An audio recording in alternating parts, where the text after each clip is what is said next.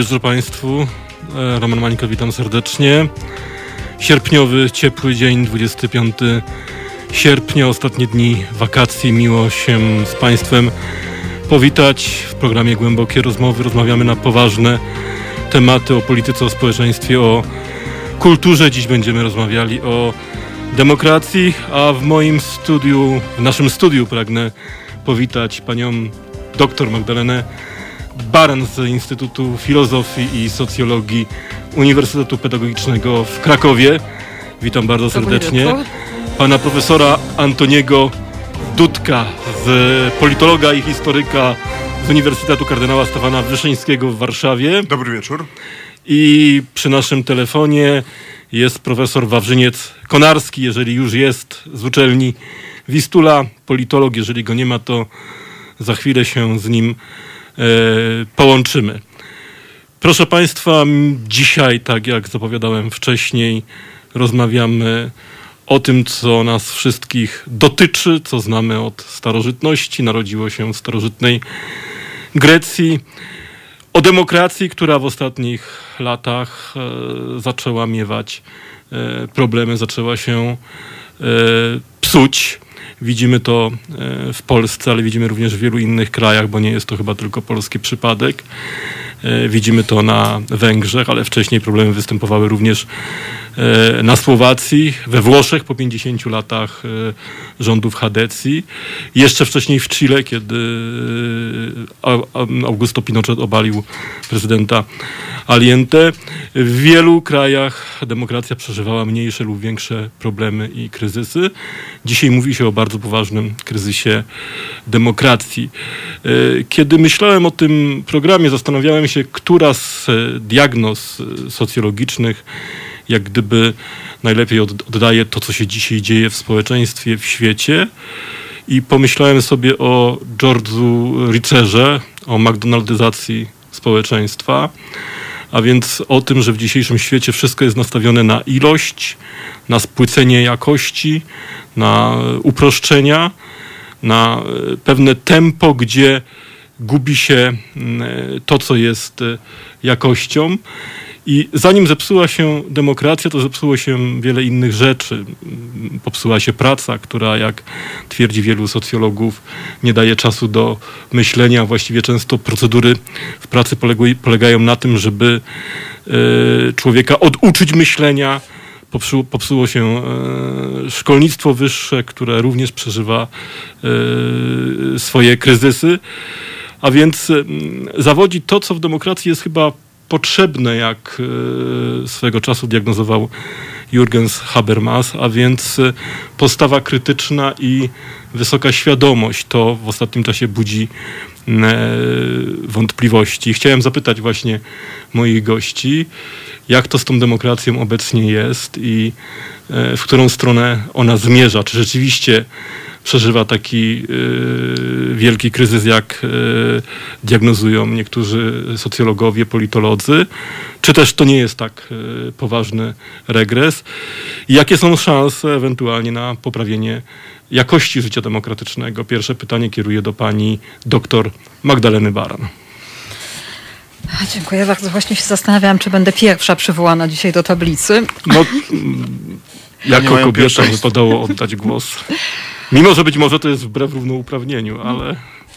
Może, może, może, nie jest aż tak źle. Znaczy tych diagnoz rzeczywiście mieliśmy, mieliśmy całą masę i mamy całą masę. O, chyba taka najpoważniejsza, bo pan przypomina, przypomina McDonaldyzację. Tak. Um, mnie bardzo mocno, tak powiem, weszła ta diagnoza Lewińskiego i Ziblata, którą mm. zresztą myśmy, myśmy wydawali tą jego książkę po polsku, e, jak, jak, upadają, jak upadają demokracje. Mm. I jest to ta gdzie oni odnosząc się do iluś, do iluś, e, do iluś demokracji na świecie, pokazywali te czynniki, które, które powodują, że demokracja nam upada, że demokracja jest w kryzysie, e, jak również pokazywali ten moment gdzie, o, gdzie my skręcamy w złą stronę, o, mm, nie przepracowujemy pewnych mechanizmów i przez to nasza demokracja no właśnie znajduje się czy w ślepym punkcie, e, czy degeneruje się i to przede wszystkim mówimy jednak o, o, o demokracji liberalnej. Mnie tutaj to jest, e, ja myślę, że tego, do tego do Lewińskiego z Iblata będziemy mieli pewnie okazję gdzieś wrócić. O, oni mówią tam o momencie, mm, kiedy kiedy jednym z powodów, że ta demokracja nie działa albo nie działa w pewnych krajach, jest, e, są też źle przeprowadzone transformacje demokratyczne ku demokracji e, z innych systemów. Można, można doczytać się głosów, ja zresztą pamiętam ten, e, ten artykuł, czy był wywiad wtedy z Marcinem Królem z 2014 roku, później jego książkę z 2015 roku Byliśmy Głupi, gdzie Król też mówił e, sporo o, o właśnie degeneracji tej naszej demokracji, czy bardziej o tym, e, w jaki sposób liberalna demokracja musi dzisiaj e, przemyśleć samą siebie i, i, i, czego powinna szukać. A mówi, że jeżeli mamy, jeżeli doszliśmy do tego momentu, że tak demokracja, no demokracja ma być tym byliśmy światem najlepszym z możliwych, jeśli chodzi o, o to, co możemy mieć w polityce, no to czy w tym świecie możemy jeszcze coś zrobić? I co robimy, kiedy ten świat nam upada? A ja się zastanawiam, czy my demokracji możemy dzisiaj bronić tak jak prawda, Leibniz, e, mhm. Leibniz O najlepszym nam... świecie mówimy, tak? Tak, mówimy, mówimy o najlepszym świecie z możliwych, no ale jednak w tym świecie leibnicjańskim, gdzie należało bronić Boga przed e, e, odpowiedzialnością za zło w świecie, czy tak naprawdę możemy się dzisiaj jakoś, możemy dzisiaj jakoś bronić demokracji? I wydaje się, że jeżeli byłby to najlepszy system z możliwych, czy jest, o tym pewnie gdzieś będziemy rozmawiać. Czy w tym systemie, mm, no Król tutaj proponował, żebyśmy wracali do, do myślenia, nawet w ramach liberalnej demokracji, do tych bardzo podstawowych wartości, to znaczy do wolności, do równości, do braterstwa i żebyśmy przepracowywali te idee na bardzo różnych poziomach, właśnie po to, żeby o tą demokrację dzisiaj pytać i zastanawiać się, jak przezwyciężyć, tak jak Pan mówi, ten kryzys demokracji, który, który dotyka mm, wielu miejsc, wielu, wielu krajów na świecie? Bo tutaj jest wielu, wiele e, paradoksów. Już e, Max Weber przeprowadził taką analizę na temat biurokracji, gdzie między innymi wywiódł takie wnioski, zresztą na nim Lister się opiera, że racjonalizm, czyli zwiększenie wiedzy, jak gdyby, paradoksalnie doprowadziło do tego, że demokracja zaczęła się psuć, jak to profesor Dudek widzi. No tak, rzeczywiście mamy problem i to duży. Y, ja już nie chcę mówić o całym świecie, czy nawet Europie, ale widać, że w Polsce demokracja liberalna, którą zaczęliśmy budować po roku 89, no, jest w poważnym kryzysie. A jest demokracja jeszcze u nas? Y, ja uważam, że ciągle jest, natomiast oczywiście ona już jest taką demokracją niepełną, to znaczy pewne elementy bezpieczeństwa, takie bezpieczniki demokracji liberalnej typu niezależny Trybunał Konstytucyjny zostały wymontowane z systemu. Y, no ale jednak no, to jest spór, gdzie się kończy demokracja liberalna i czy, czy jest jakaś inna forma demokracji demokracji, poza demokracją liberalną. Ja uważam, że jest. Ja to nazywam to, co PiS buduje demokracją narodową, ale ona się łatwo może przekształcić w pewnych niesprzyjających dla rządzących e, warunków, e, warunkach w, demo, w autorytaryzm, dlatego że no, najkrócej mówiąc te bezpieczniki są powyjmowane. A nie chcę o tych bezpiecznikach mówić, chcę mówić o przyczynach, bo nawiązując do tego, o czym mówiła pani doktor e, przed chwilą, powiem tak, rzeczywiście jeśli patrzę na Polskę, bo nie chcę mówić o kryzysie demokracji w skali całej Europy, czy tym bardziej świata, ale jak patrzę na Polskę, to rzeczywiście korzenie y, są w sposobie przeprowadzenia transformacji.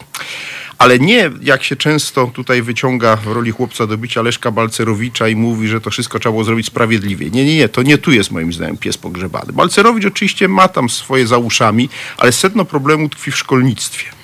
Otóż uważam, że myśmy przenieśli XIX, ukształtowany w XIX wieku model szkolnictwa, który w PRL-u rozkwitł w pełni, takiego systemu autorytarnego szkolnictwa, gdzie nie ma w ogóle żadnej demokracji, y, do trzeciej RP i byliśmy zachwyceni tylko dlatego, żeśmy usunęli ten ideologiczne, te wtręty mhm. tych różnych Marcelich Nowotków i te inne upiory, które tam straszyły w nauczaniu historii, w języku polskim gdzieś i uznaliśmy, że fantastycznie już mamy zdekomunizowaną szkołę i wszystko jest cacy. Otóż cacy nie było. Y, Ja sobie to y, uświadomiłem na przestrzeni lat 90., kiedy zoba- byłem przerażony od roku 91 niską frekwencją wyborczą. Jak zobaczyłem, że poszło 43% w 91 roku, to sobie pomyślałem, no jest źle, ale to jest dziedzictwo komunizmu. Ale jak później widziałem, że w kolejnych wyborach ta frekwencja jest niewiele wyższa, to zrozumiałem, że problem tkwi gdzie indziej. No i zacząłem się zastanawiać, gdzie i doszedłem do wniosku, że w szkole. I bo co jest istotą demokracji? No, obywatele, którzy wybierają sobie rząd, a zatem muszą to być obywatele na pewnym poziomie wyrobienia, pewnego krytycyzmu, nie mogący się łatwo wozić za nos politykom, bo politycy z natury rzeczy mają skłonność do wodzenia obywateli za nos. I to się świetnie niestety udaje u nas w Polsce, y, y, kiedy tak naprawdę... Ciemny lud to kupi, jak powiedział Dokładnie tak. Ale to jest tak naprawdę dzieło kartelu. Od, od końca lat 90. Polską rządzi kartel czterech partii. Można powiedzieć, że nawet wcześniej. Czyli SLD, PSL, które są dzisiaj słabszą udziałowcami, no i silniejsze Platforma i PiS. I one zagospodarowały całą scenę polityczną i sobie świetnie radzą. Korwin prawda? mówił kiedyś banda czworga, tak? No dokładnie tak. I oni sobie świetnie radzą, tylko problem polega na tym, że oni przestali rozwiązywać istotne problemy Polski i to się nam za chwilę zacznie walić na głowę. I teraz jest pytanie, czy jak się nam zacznie walić na głowę, no w tej chwili pandemia to przyspieszyła. Kryzys gospodarczy, kryzys energetyczny, kryzys hydrologiczny i przede wszystkim starzenie się społeczeństwa, jego dalekosiężne konsekwencje. To wszystko w tej dekadzie zwali na głowę. To czy Polacy y, będą zdolni do tego, żeby sobie wyłonić lepszych polityków, którzy w ramach demokracji będą w stanie roz, zacząć rozwiązywać te problemy, czy pójdziemy w kierunku autorytaryzmu? Bo my jesteśmy dzisiaj na rozdrożu. I, i, i, i, ja nie wiem, jak się to skończy. Lewiński definiuje Polskę już jako autorytaryzm konkurencyjny, e, z tego co zdążyłem się zorientować. On twierdzi, że to już nie jest demokracja, tylko to jest autorytaryzm No bo to konkurencyjny. jest kwestia definicyjna. No, każdy ma inną definicję. Ja uważam, że mieliśmy przed chwilą cztery kampanie wyborcze i oczywiście, zwłaszcza kampania prezydencka, w ewidentny sposób rząd wykorzystał wszystkie możliwości, żeby Andrzeja Dudę przepchać. No, słynnie, że będę wyliczał, tych wozów strażackich. tych- Ale tu się a- właśnie a- zatrzymałem. Ale, ale liczenie głosów jednak różniło się od tego liczenia z roku 47, kiedy komuniści ordynarnie wrzucili większość kartek do, do, do, do, do, do maszynki do mielenia, do, do ogniska i wrzucili swoje, prawda? Liczenie jest rzeczywiście inne, ale tutaj dotykamy bardzo ważnego pro problemu. Dobrze, że pan profesor wspomniał o wyborach prezydenckich, dlatego że jak czyta się książki Lewińskiego i wywiady z nim, to on mówi, że ważniejsze jest to, co dzieje się przed głosowaniem. Nie samo głosowanie, to, co dzieje się przed głosowaniem. Moje pytanie stąd, czy te wybory prezydenckie, biorąc pod uwagę jakość debaty publicznej, to jak zachowywały się media, które powinny pełnić misję publiczną, to, co działo się w przestrzeni publicznej, czy te, te wybory możemy uznać za demokratyczne, te wybory prezydenckie? To może pani doktor, bo ja, ja ciągle uważam, że tak, chociaż na pewno to już nie jest demokracja liberalna i tutaj doszło, czy pewne patologie, które występowały już wcześniej, bo one się nie zaczęły przy okazji tych wyborów czy ubiegłorocznych, teraz zostały spotęgowane.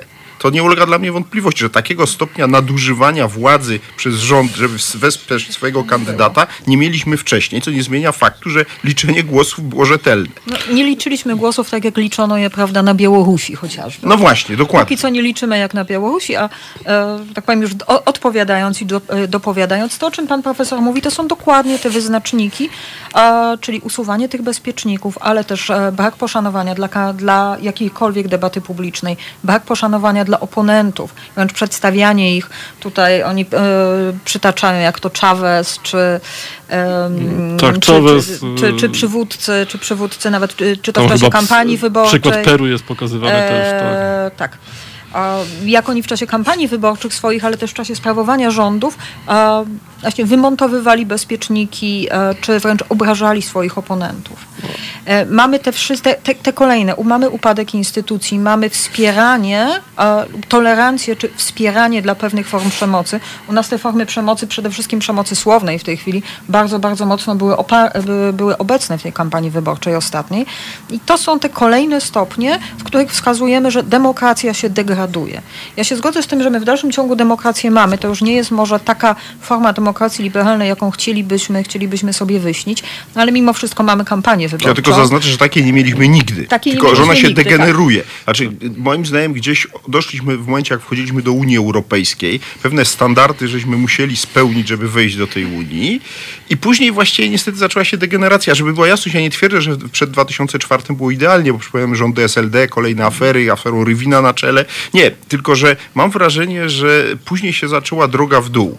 I są kolejne etapy, powiedzmy katastrofa smoleńska, to co się Ale działo też są te później. degeneracje A, partii y, głównego ja, ja się tak. co, cofnę jeszcze dalej, y, teraz kierując pytanie do pana profesora Wawrzyńca Konarskiego, jeżeli jest, z uczelni Wistula. Jestem z Państwem oczywiście. Tak, Witam dobry pana, wieczór. witam, dobry wieczór, witam pana bardzo serdecznie i ja już tutaj kiedyś profesorowi Dudkowi pisałem, że e, dzisiaj patrzę na politykę jako dziennikarz publicysta, ale ja w latach 90. działałem w partiach politycznych i pewne procesy mogłem w tych partiach obserwować i e, dopracowałem się takiej smutnej konstatacji, mówię teraz do profesora Wawrzyńca Konarskiego, że z tą demokracją w Polsce tylko to trzeba spojrzeć głębiej, biorąc pod uwagę partie polityczne i ich działalność, było zawsze źle. To znaczy ja zauważyłem, że mimo, że mówiło się w Polsce o demokracji formalnie i jak patrzyło się na nią powierzchownie, to ta demokracja w Polsce była, ale jak patrzyło się na te struktury, czy na te agregaty, na te ośrodki, gdzie powinna dokonywać się selekcja kadr, czy powinny być tworzone programy, to tamtej demokracji, mógłbym to podać e, przykłady e, bardzo empiryczne, nie było. E, Stąd ja mam do Pana pytanie, jak Pan ocenia kondycję demokratyczną Polski, biorąc pod uwagę okres transformacji, jak ona się e, tworzyła i teraz, czy nasza, bo jak patrzymy na indeks e, demokracji sporządzany przez The Economics, to Polska nigdy nie była klasyfikowana jako demokracja pełna, zawsze była jako demokracja niepełna. Jak Pan patrzy na ten problem? Dziękuję wszystkim za zaproszenie, bo debata jest ze wszech miar ważna, nie z perspektywy naukowej czy publicystycznej, ale obywatelskiej. Tak jest. Więc może zacznijmy od imponderabiliów. Nam nie udało się stworzyć y, przede wszystkim, i to będzie pierwszy mit, który trzeba wyraźnie zaznaczyć, nam nie udało się stworzyć w ciągu tych 30 lat y, prawdziwego społeczeństwa obywatelskiego, które byłoby w stanie reagować na takie czy inne patologie władzy, za pomocą oczywiście istniejących instytucji wmontowanych, bo teraz mówimy o wymontowaniu, ale były wmontowane wcześniej i trudno uznać, aby funkcjonowały e, dobrze. E, Pamiętajmy, że kwestia na przykład taka jak nieuchronność kary za takie czy inne popełnione przestępstwa.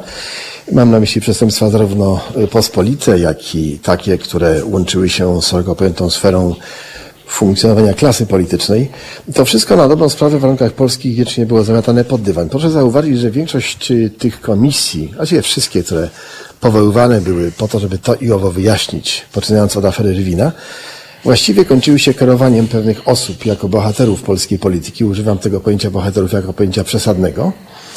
E, Natomiast nie kończyły się wyjaśnieniem i pokazaniem społeczeństwu, popatrzcie, mamy dobrze działający system prawny, który wszystko jest w stanie wyjaśnić, a nieuchronność e, kary, czyli sankcja jest przewidziana i wmontowana w taką działalność. Tego oczywiście nie udało się stworzyć i to jest absolutnie istotny grzech e, tego wszystkiego, co się działo w okresie polskiej e, transformacji. Kłania nam się oczywiście prawo Michelsa, pan był uprzejmy, panie redaktorze, wskazać już wcześniej, że właściwie ta demokracja cały czas źle działa, ponieważ oczywiście nie była ona w żadnym wypadku. Mówimy o żelaznym prawie oligarchii, Kryteriach.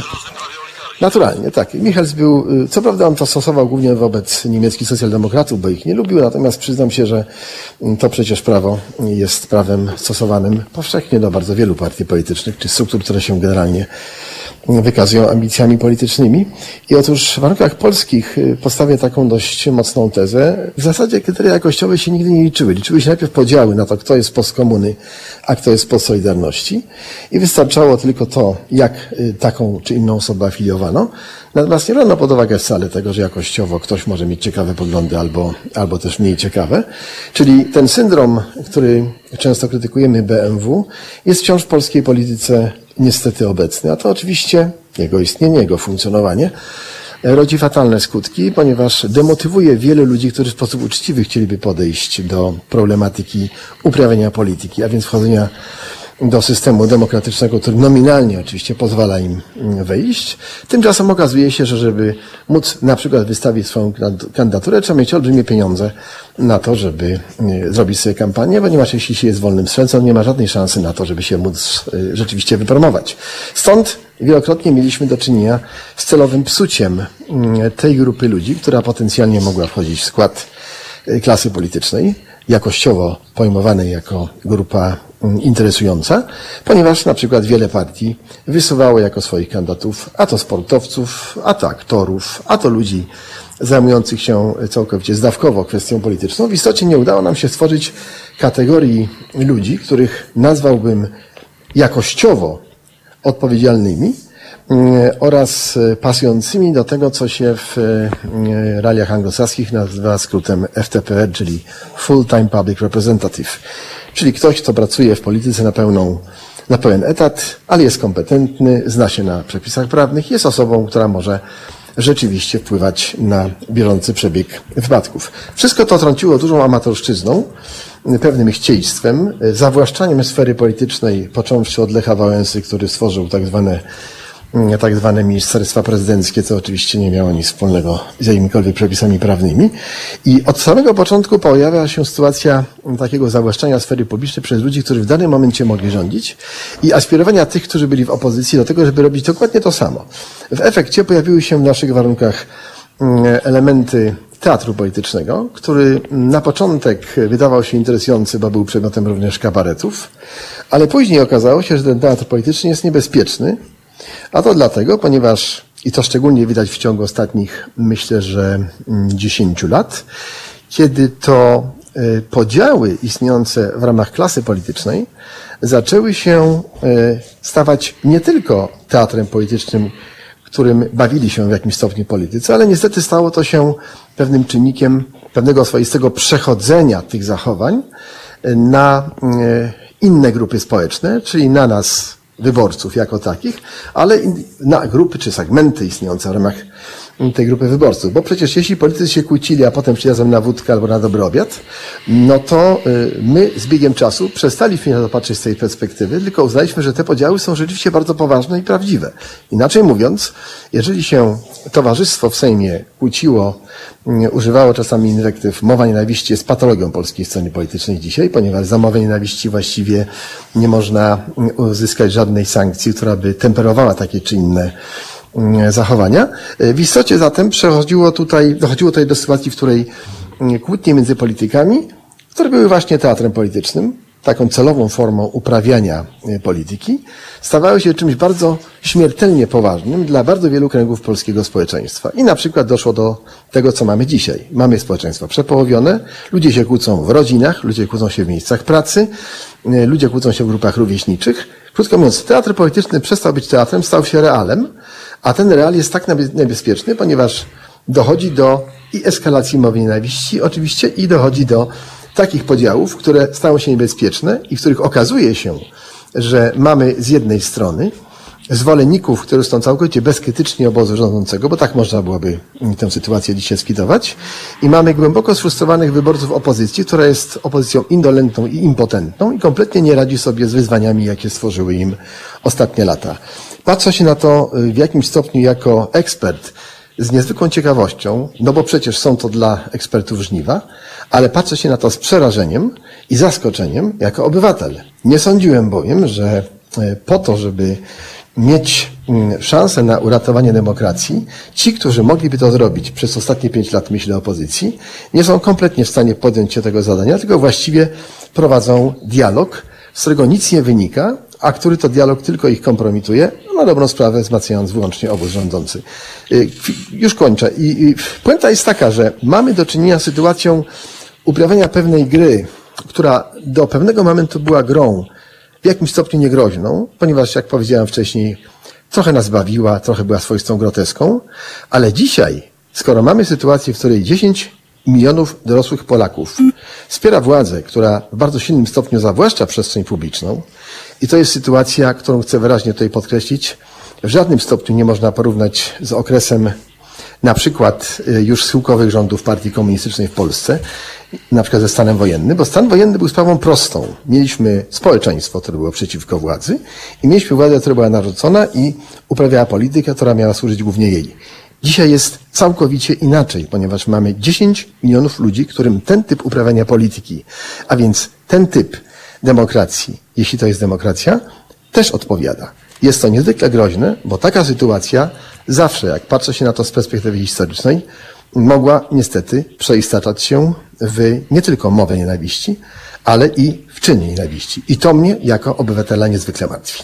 Właśnie, co jest przyczyną, że 10 milionów społeczeństwa, mając świadomość, czy może nie mając świadomości, że ta władza łamie albo narusza procedury demokratyczne, nadal ją popiera. Pan mówił o tym, że martwiła pana frekwencja na początku lat Tak. 90. Y, Natomiast y, na, na amerykańskich uniwersytetach y, zdanie na temat frekwencji jest y, dość ambiwalentne. Znaczy, tam mówi się, że frekwencja wysoka jest dobra wtedy, kiedy ludzie świadomie idą do wyborów. Natomiast jeżeli i, i, i, i idą obywatele nieświadomi, to oni mogą zagłosować przeciwko swoim e, interesom, nie zdając sobie z pewnych rzeczy sprawy, albo nie rozpoznając pewnych procesów politycznych, będąc manipulowanymi. Świadomość jest problemem. Znaczy, ja, ja się oczywiście Duda. zgadzam, a nawiązując do tego, o czym mówił pan profesor Konarski, ja się zgadzam z prawie wszystkim, co mówił, z wyjątkiem końca, a mianowicie nawiązania do stanu wojennego, bo to nie jest do końca tak właśnie, że stan wojenny to wprowadziła jakaś kompletnie osamotniona władza komunistyczna, pozbawiona już jakiegokolwiek zaplecza społecznego i cały naród był po drugiej stronie. Nie. E, Oczywiście nie mieliśmy wtedy, wprawdzie są badania opinii publicznej z, y, y, z 83 roku, można kwestionować ich wiarygodność, no bo były one prowadzone w warunkach jednak reżimu autorytarnego, ale z których wynika, że już wtedy to społeczeństwo było mniej więcej po połowie e, podzielone i mniej więcej połowa akceptowała stan wojenny wedle tych badań. Do czego zmierzam? E, Otóż przy- ja śledziłem badania CEBOS-u z lat 90. i 2000 y, dotyczące y, poziomu akceptacji dla tak zwanych rządów silnej ręki. Otóż zadawano co kilka lat Polakom pytanie, czy w y, pewnych warunkach uważasz, że rządy silnej ręki są lepsze od rządów demokratycznych. I w różnych okresach, już trzeciej RP, stale to się wahało od 30 do 50%. Czyli taki odsetek, sięgający nawet połowy społeczeństwa, był w stanie przez ten cały okres trzeciej RP akceptować rządy autorytarne. I moim zdaniem PiS sięgnął po, te, e, po tych ludzi. Oczywiście nie wszyscy, którzy głosowali na prezydenta Dudę są zwolennikami rządów autorytarnych, ale znacząca część jego elektoratu po prostu lubi silne rządy, zresztą nie Dudy, tylko Kaczyńskiego. Przecież oni doskonale wiedzieli, że tu chodzi o podtrzymanie tego w istocie rzeczy osobliwego systemu, z jakim mamy do czynienia, że mamy premiera, mamy prezydenta, mamy marszałka Sejmu, czy marszałek Sejmu, ale wszyscy wiedzą, że wszystkie kluczowe decyzje podejmuje prezes Kaczyński, prawda? I to właśnie w PiSie nikt temu nie zaprzecza, prawda? Ym, W związku z tym za tym ci ludzie głosowali, za osobistymi rządami prezesa Kaczyńskiego. Dlaczego? No, najwyraźniej alternatywa wydała im się nie dość atrakcyjna, no bo przeciwnik, czyli e, Trzaskowski, też dostał 10 milionów głosów. Czyli można powiedzieć, że mamy tutaj do 50-50 w dużym stopniu. Tylko jest pytanie, w którą stronę się to przechyli. No i tu jestem niestety pełen obaw, tak, bo podzielam diagnozę profesora e, Konarskiego co do kondycji opozycji, że jak dalej ta opozycja będzie się tak, mode- że tak powiem, naprawiała, tak przez minione 5 lat się naprawiała, to za 3 lata PiS może e, bardzo prosto e, przedłużyć swój mandat. Lewiński twierdzi, że dla rządów autorytarnych problemem nie jest opozycja, tylko instytucje demokratyczne, które mogą ograniczać. I on pokazuje nawet przykład amerykański, gdzie Donald Trump jest ograniczany przez instytucje i nie może sobie na wszystko pozwolić. Natomiast twierdzi, że tu istnieje pewien paradoks w krajach takich jak Polska, ale nie tylko. Dlatego, że jeżeli rządy autory, jeżeli opozycja zacznie atakować rządy autorytarne, które chowają się za pewnymi pozorami legitymizacji demokratycznej, to wówczas w społeczeństwie może się odzywać bunt, czy może to wywoływać bunt, że ktoś atakuje tych, którzy zostali formalnie, przynajmniej demokratycznie wybrani i że te ataki, co zresztą chyba widzieliśmy w Polsce w e, okresie tych pięciu lat, że te ataki, ta krytyka wcale nie będzie powodowała spadku popularności rządów autorytarnych czy populistycznych, ale wzrost popularności. Tak więc były, te, spadki popularności były, te spadki popularności były chwilowe, a po czym kiedy nie udało się prawda, obronić e, Trybunału Konstytucyjnego, kiedy nie udało się obronić dokładnie tych instytucji, o których Lewiński i Ziblatt mówią, jako, określają jako instytucje arbitrów, którzy, którzy mają pilnować tej demokracji, którzy mają pilnować również rządzących, to w tym momencie mm, padł nam Trybunał Konstytucyjny, padło KRS, w tym dzisiaj dzisiaj, wczoraj czy dzisiaj słyszałam w radiu, że teraz będziemy prowadzić, e, że prokuratura będzie prowadzić postępowania przeciwko chyba 1200-1600 sędziów. Nie, na razie dyscyplinarne, to sędzia, Dyscyplinarne, rzecznik tak, tak. dyscypliny. Rzecznik, e, tak, zastępca rzecznika tak, tak. dyscypliny. Tak. I że tutaj będziemy prowadzić i, i, i nic nie słychać. I nic nie słychać. I mamy świetnie, e, świetnie z jednej strony działające na przykład wolne sądy, ale to jednak jest ograniczona grupa ludzi i ja się zastanawiam, jak długo ten głos będzie, ten głos będzie nie tylko słyszalny, ale wysłuchiwany. Bo to, że oni pewne rzeczy mówią i pokazują, a i teraz pokazują. Pan profesor e, mówił o szkole. Ja bym chciała do tej szkoły wrócić, jednocześnie łącząc, łącząc to z tym, o czym mówił profesor Konarski, o społeczeństwie obywatelskim. Bo my tych obywateli nie kształcimy. My tych obywateli nie kształcimy i nie kształcimy ich tak No, naprawdę w tym od programie dzieciaków. mamy ich kształcić między innymi. Ale my ich, my ich nie kształcimy od dzieciaków. Myśmy nigdy nie wypracowali tego modelu, bo myśmy przeszli z modelu akademii, e, które ja jeszcze pamiętam ze szkoły w latach 80., e, gdzie prawda, wychodziliśmy, słuchaliśmy o, o przemówień o, jeszcze z okresu poprzedniego systemu, o, kiedy śpiewaliśmy bardzo określone piosenki i tak dalej, tak dalej, tak dalej. E, I przekazywano nam pewną, pewne ramy. A tych ram e, w tej chwili, znaczy przez lata tych ram nie było, a w tym momencie te ramy się zaczynają po- pojawiać w tych programach, które mają być programami nauczania narodowego. Czasami, ja przepraszam, że to powiem, ale, ale ja takich tez y, się nie obawiam. Mam wrażenie, że w ogóle kształcenie w Polsce jest pewną fikcją. My produkujemy studentów, część z tych ludzi, nie chciałbym tutaj nikogo obrazić, ale y, w tym, co swego czasu powiedział y, y, marszałek Terlecki, jest, y, jest trochę prawda. Czy my upowszechniając wyższe wykształcenie, tak naprawdę bardzo mocno zredukowaliśmy jego poziom. I to jest ta McDonaldyzacja, o której pisze Ritzer, on także w kontekście amerykańskich uniwersytetów o tym pisze, ale to w Polsce bardzo mocno, mocno występuje i wielu, profesor, znaczy wielu profesorów to, to właśnie e, krytykuje. Marek Król, nieżyjący profesor Wolniewicz, mówili o tym, że to doprowadzi do tego, że będziemy formalnie mieli dużo ludzi wykształconych, ale w praktyce oni tego wykształcenia nie będą e, reprezentowali. A znowuż i tu powrócę do Habermasa, żeby demokracja dobrze funkcjonowała, to musi być świadomość. Na sp- społeczeństwo obywatelskie składa się świadomość. To jest właśnie pytanie, czy to jest tylko kwestia, że nie kształcimy obywatelsko, czy w ogóle źle kształcimy, czy system kształcenia jest zły. No moim zdaniem jest zły. Może profesor Konarski, tak, proszę bardzo. Jeśli pozwolicie Państwo. No jest wiele e, znakomitych, e, ja wiem, przesłanek, które mogą nam wytłumaczyć, dlaczego tak się właściwie dzieje i, i co się w ogóle stało. Wyjdźmy może od sprawy bardzo przaśnej, którą pewnie niechętnie poruszamy my jako naukowcy. Ale przecież bądźmy szczerzy, cały fenomen szkół prywatnych na szkół wyższych prywatnych, który się pojawił od początku lat 90., był y, niczym innym, ale pewną formą odpowiedzi społeczeństwa, y, inaczej, społeczności akademickiej, bo to chciałem powiedzieć, na niewydolność systemu światowego, także tego, który istniał wcześniej. Skoro mieliśmy początki kapitalizmu i nawoływano do tego, żeby się bogacić, wracamy do Balcerowicza, no to bardzo wielu naukowców znało, że nie ma sensu być tutaj z boku i okazać się e, naiwniakami, e, tylko zaczęto wymyślać formuły na funkcjonowanie szkół prywatnych. Oczywiście, jak to zwykle bywa, no, trzeba w tym momencie oddzielać ziarno od plewy. Są dzisiaj bardzo dobre szkoły prywatne, które istnieją sobie świetnie radzą w tych warunkach, ale jest też mnóstwo szkół e, kiepskich. E, To jest konsekwencja pewnego runu, pewnego pomysłu, jaki wtedy się narodził, dlatego, że polskie państwo i wszędzie państwo socjalistyczne, ale i to już nowe kapitalistyczne, nie dawało e, żadnej rękojmi, że my jako naukowcy będziemy mogli żyć na godnym poziomie, w swojej masie oczywiście, mam na myśli nas jako społeczność akademicką en bloc.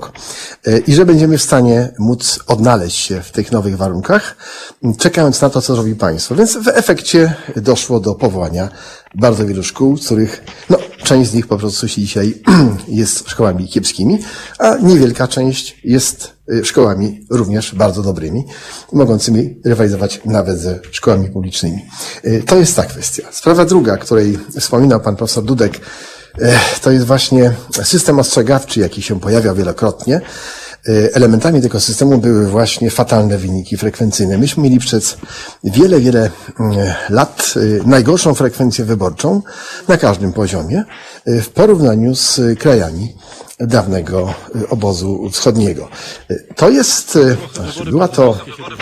Tam zawsze była trochę Nie, nie, naturalnie. Ja, ja, Oczywiście, że ona była wyższa, natomiast mówię o tym, że generalnie na tle krajów dawnego RWPG myśmy zawsze tutaj wypadali bardzo źle. E, I to powinno było być e, podstawową, jak sądzę, bazą, pewną przesłanką ku temu, żeby nasza klasa polityczna zaczęła się wreszcie na tym zastanawiać.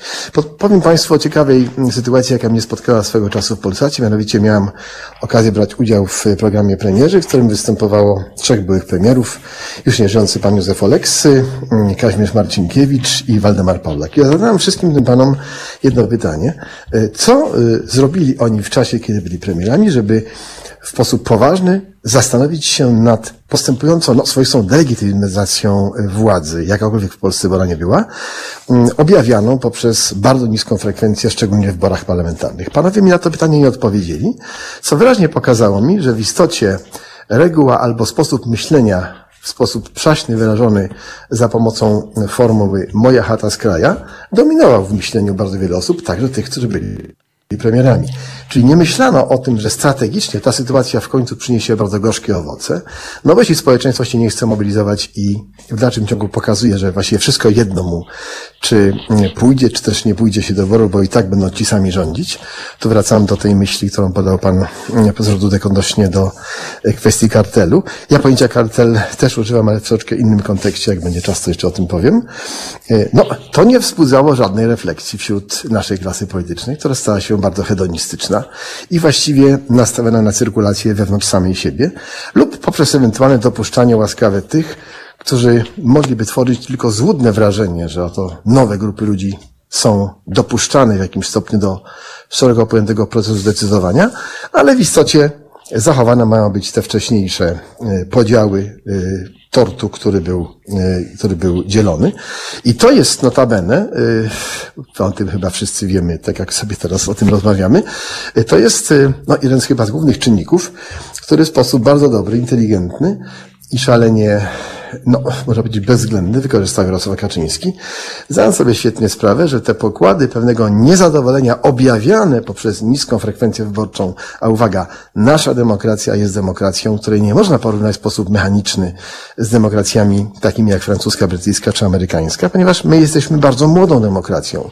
I w naszych warunkach jakiekolwiek majsterkowanie przy zrębach formalno-prawnych tego systemu, y, czego y, dzisiaj jesteśmy świadkami w wykonaniu PiSu, jest nieprawdopodobnie groźne. Bo tak jak Trump sobie nie poradzi rozmontowaniem instytucji amerykańskich, bo nie ma na to żadnej szansy, bo amerykańska demokracja ma 200 lat i jest y, mocno okrzepnięta, tak w naszych warunkach niestety takie operacje mogą wydać jeszcze fatalne, jeszcze bardziej fatalne owoce i dlatego to jest niezwykle ważne spostrzeżenie, abyśmy o tym pamiętali i abyśmy jako grupa akademicka akademików cały czas wskazywali na konieczność zmobilizowania się szeroko pojętej polskiej klasy politycznej, a więc zarówno tych, którzy są w opozycji w sensie mm, prosystemowym, mamy w Polsce przecież opozycję prosystemową, czyli PSL, SLD i wszystkim y, Platforma, i oczywiście antysystemową, jaką jest Konfederacja, ale także, aby można było oddziaływać na ten proces myślenia u tych, którzy są nawet dzisiaj zwolennikami obecnej władzy, ale mogą w jakimś momencie dojść do wniosku, że jednak tutaj ta władza postępuje w sposób zbyt zbyt mechaniczny, zbyt instrumentalny z oczekiwaniami społecznymi. Mam to na myśli e, chociażby byłego wicepremiera Gowina. Więc e, to wszystko oznacza, że polscy politycy dali się bardzo mocno wpleść w hedonistyczny sposób myślenia o polityce, która ma dawać pozycję, która ma dawać pewne lukratywne możliwości swojego własnego rozwoju. Ja ten proces nazywam rentierstwem politycznym. To jest określenie, które stworzyłem 8 lat temu i je popularyzuję. Ono jest niestety jednym z powodów, dla którego e, obecnie rządzącym udało się w tak silnym stopniu stworzyć olbrzymie poparcie dla siebie, które jest poparciem, jak widać, nie zmniejszającym się, mimo takich czy innych mm, sytuacji, które władza ta e, czyni, e, rozmontowując właśnie bardzo istotne instytucje demokratyczne. A zatem, żeby to skwitować jakąś puentą, myślę, że Mamy do czynienia z pewną beztroską e, linią myślenia, jaką można byłoby zauważyć wśród tych, którzy w danym momencie zdobywali władzę, którzy nie kierowali się niestety myśleniem strategicznym, a to w efekcie niestety nie owocowało tym, czego tak bardzo liczne społeczeństwa potrzebują, czyli narodzinami mężów oraz dam stanu. W dzisiejszym świecie nie mamy praktycznie mężów i dam stanu, czyli ludzi, którzy w sposób e, transepokowy, transkadencyjny, tak to może określę, są w stanie wywrzeć olbrzymi wpływ pozytywny na kształtowanie struktur demokratycznych w swoich państwach i którzy będą w stanie y, również wychować swoich następców. To jest niezwykle trudna sprawa, ponieważ wedle różnych danych badawczych, jakie dzisiaj znamy, ja sam biorę udział w takim projekcie badawczym szwedzko-amerykańskim, z którego jasno i wyraźnie wynika, że mamy wyraźne dryfowanie dzisiaj w kierunku rządów hybrydowo-autorytarnych albo wręcz autorytarnych, przynajmniej w 50 krajach świata, co oznacza, ni mniej, ni więcej, że ta tendencja, jeśli się zadomowi, będzie mogła być y, no, swoistym, mm, swoistym przykładem takiego zarażenia takim sposobem myślenia także i innych krajów. Między innymi kraje takie jak Francja, Portugalia i Włochy są w tej chwili klasyfikowane jako demokracja już niepełna. Jeszcze nie tak dawno były jako demokracja pełna. Y, doktor, doktor Baran, z tego co powiedział profesor Konarski, wynika, że nie ma w dzisiejszym świecie już e, dam ani mężów e, stanu. E, czyli z tego wynika taki wniosek, że to demokracja nie psuje się tylko w Polsce, a to jest bardziej złożony proces. Jakie, jakie przyczyny pani widzi w tym? Ja jednak wrócę do, ja wracam uparcie okay, do tej do edukacji. Ja wracam uparcie do tej edukacji, ale powiem Państwu, że e, przez moment, miałam taki moment zastanowienia się, m, jakiego ostatniego męża lub damę stanu w Polsce pamiętamy kogo byśmy, kogo byśmy tak sklasyfikowali, zaklasyfikowali sobie. I ja jednak ciągle myślę o tym, o tym pokoleniu, które gdzieś mnie intelektualnie wychowywało, o, czyli to pokolenie jednak transformacji, czyli profesor Geremek, Tadeusz Mazowiecki.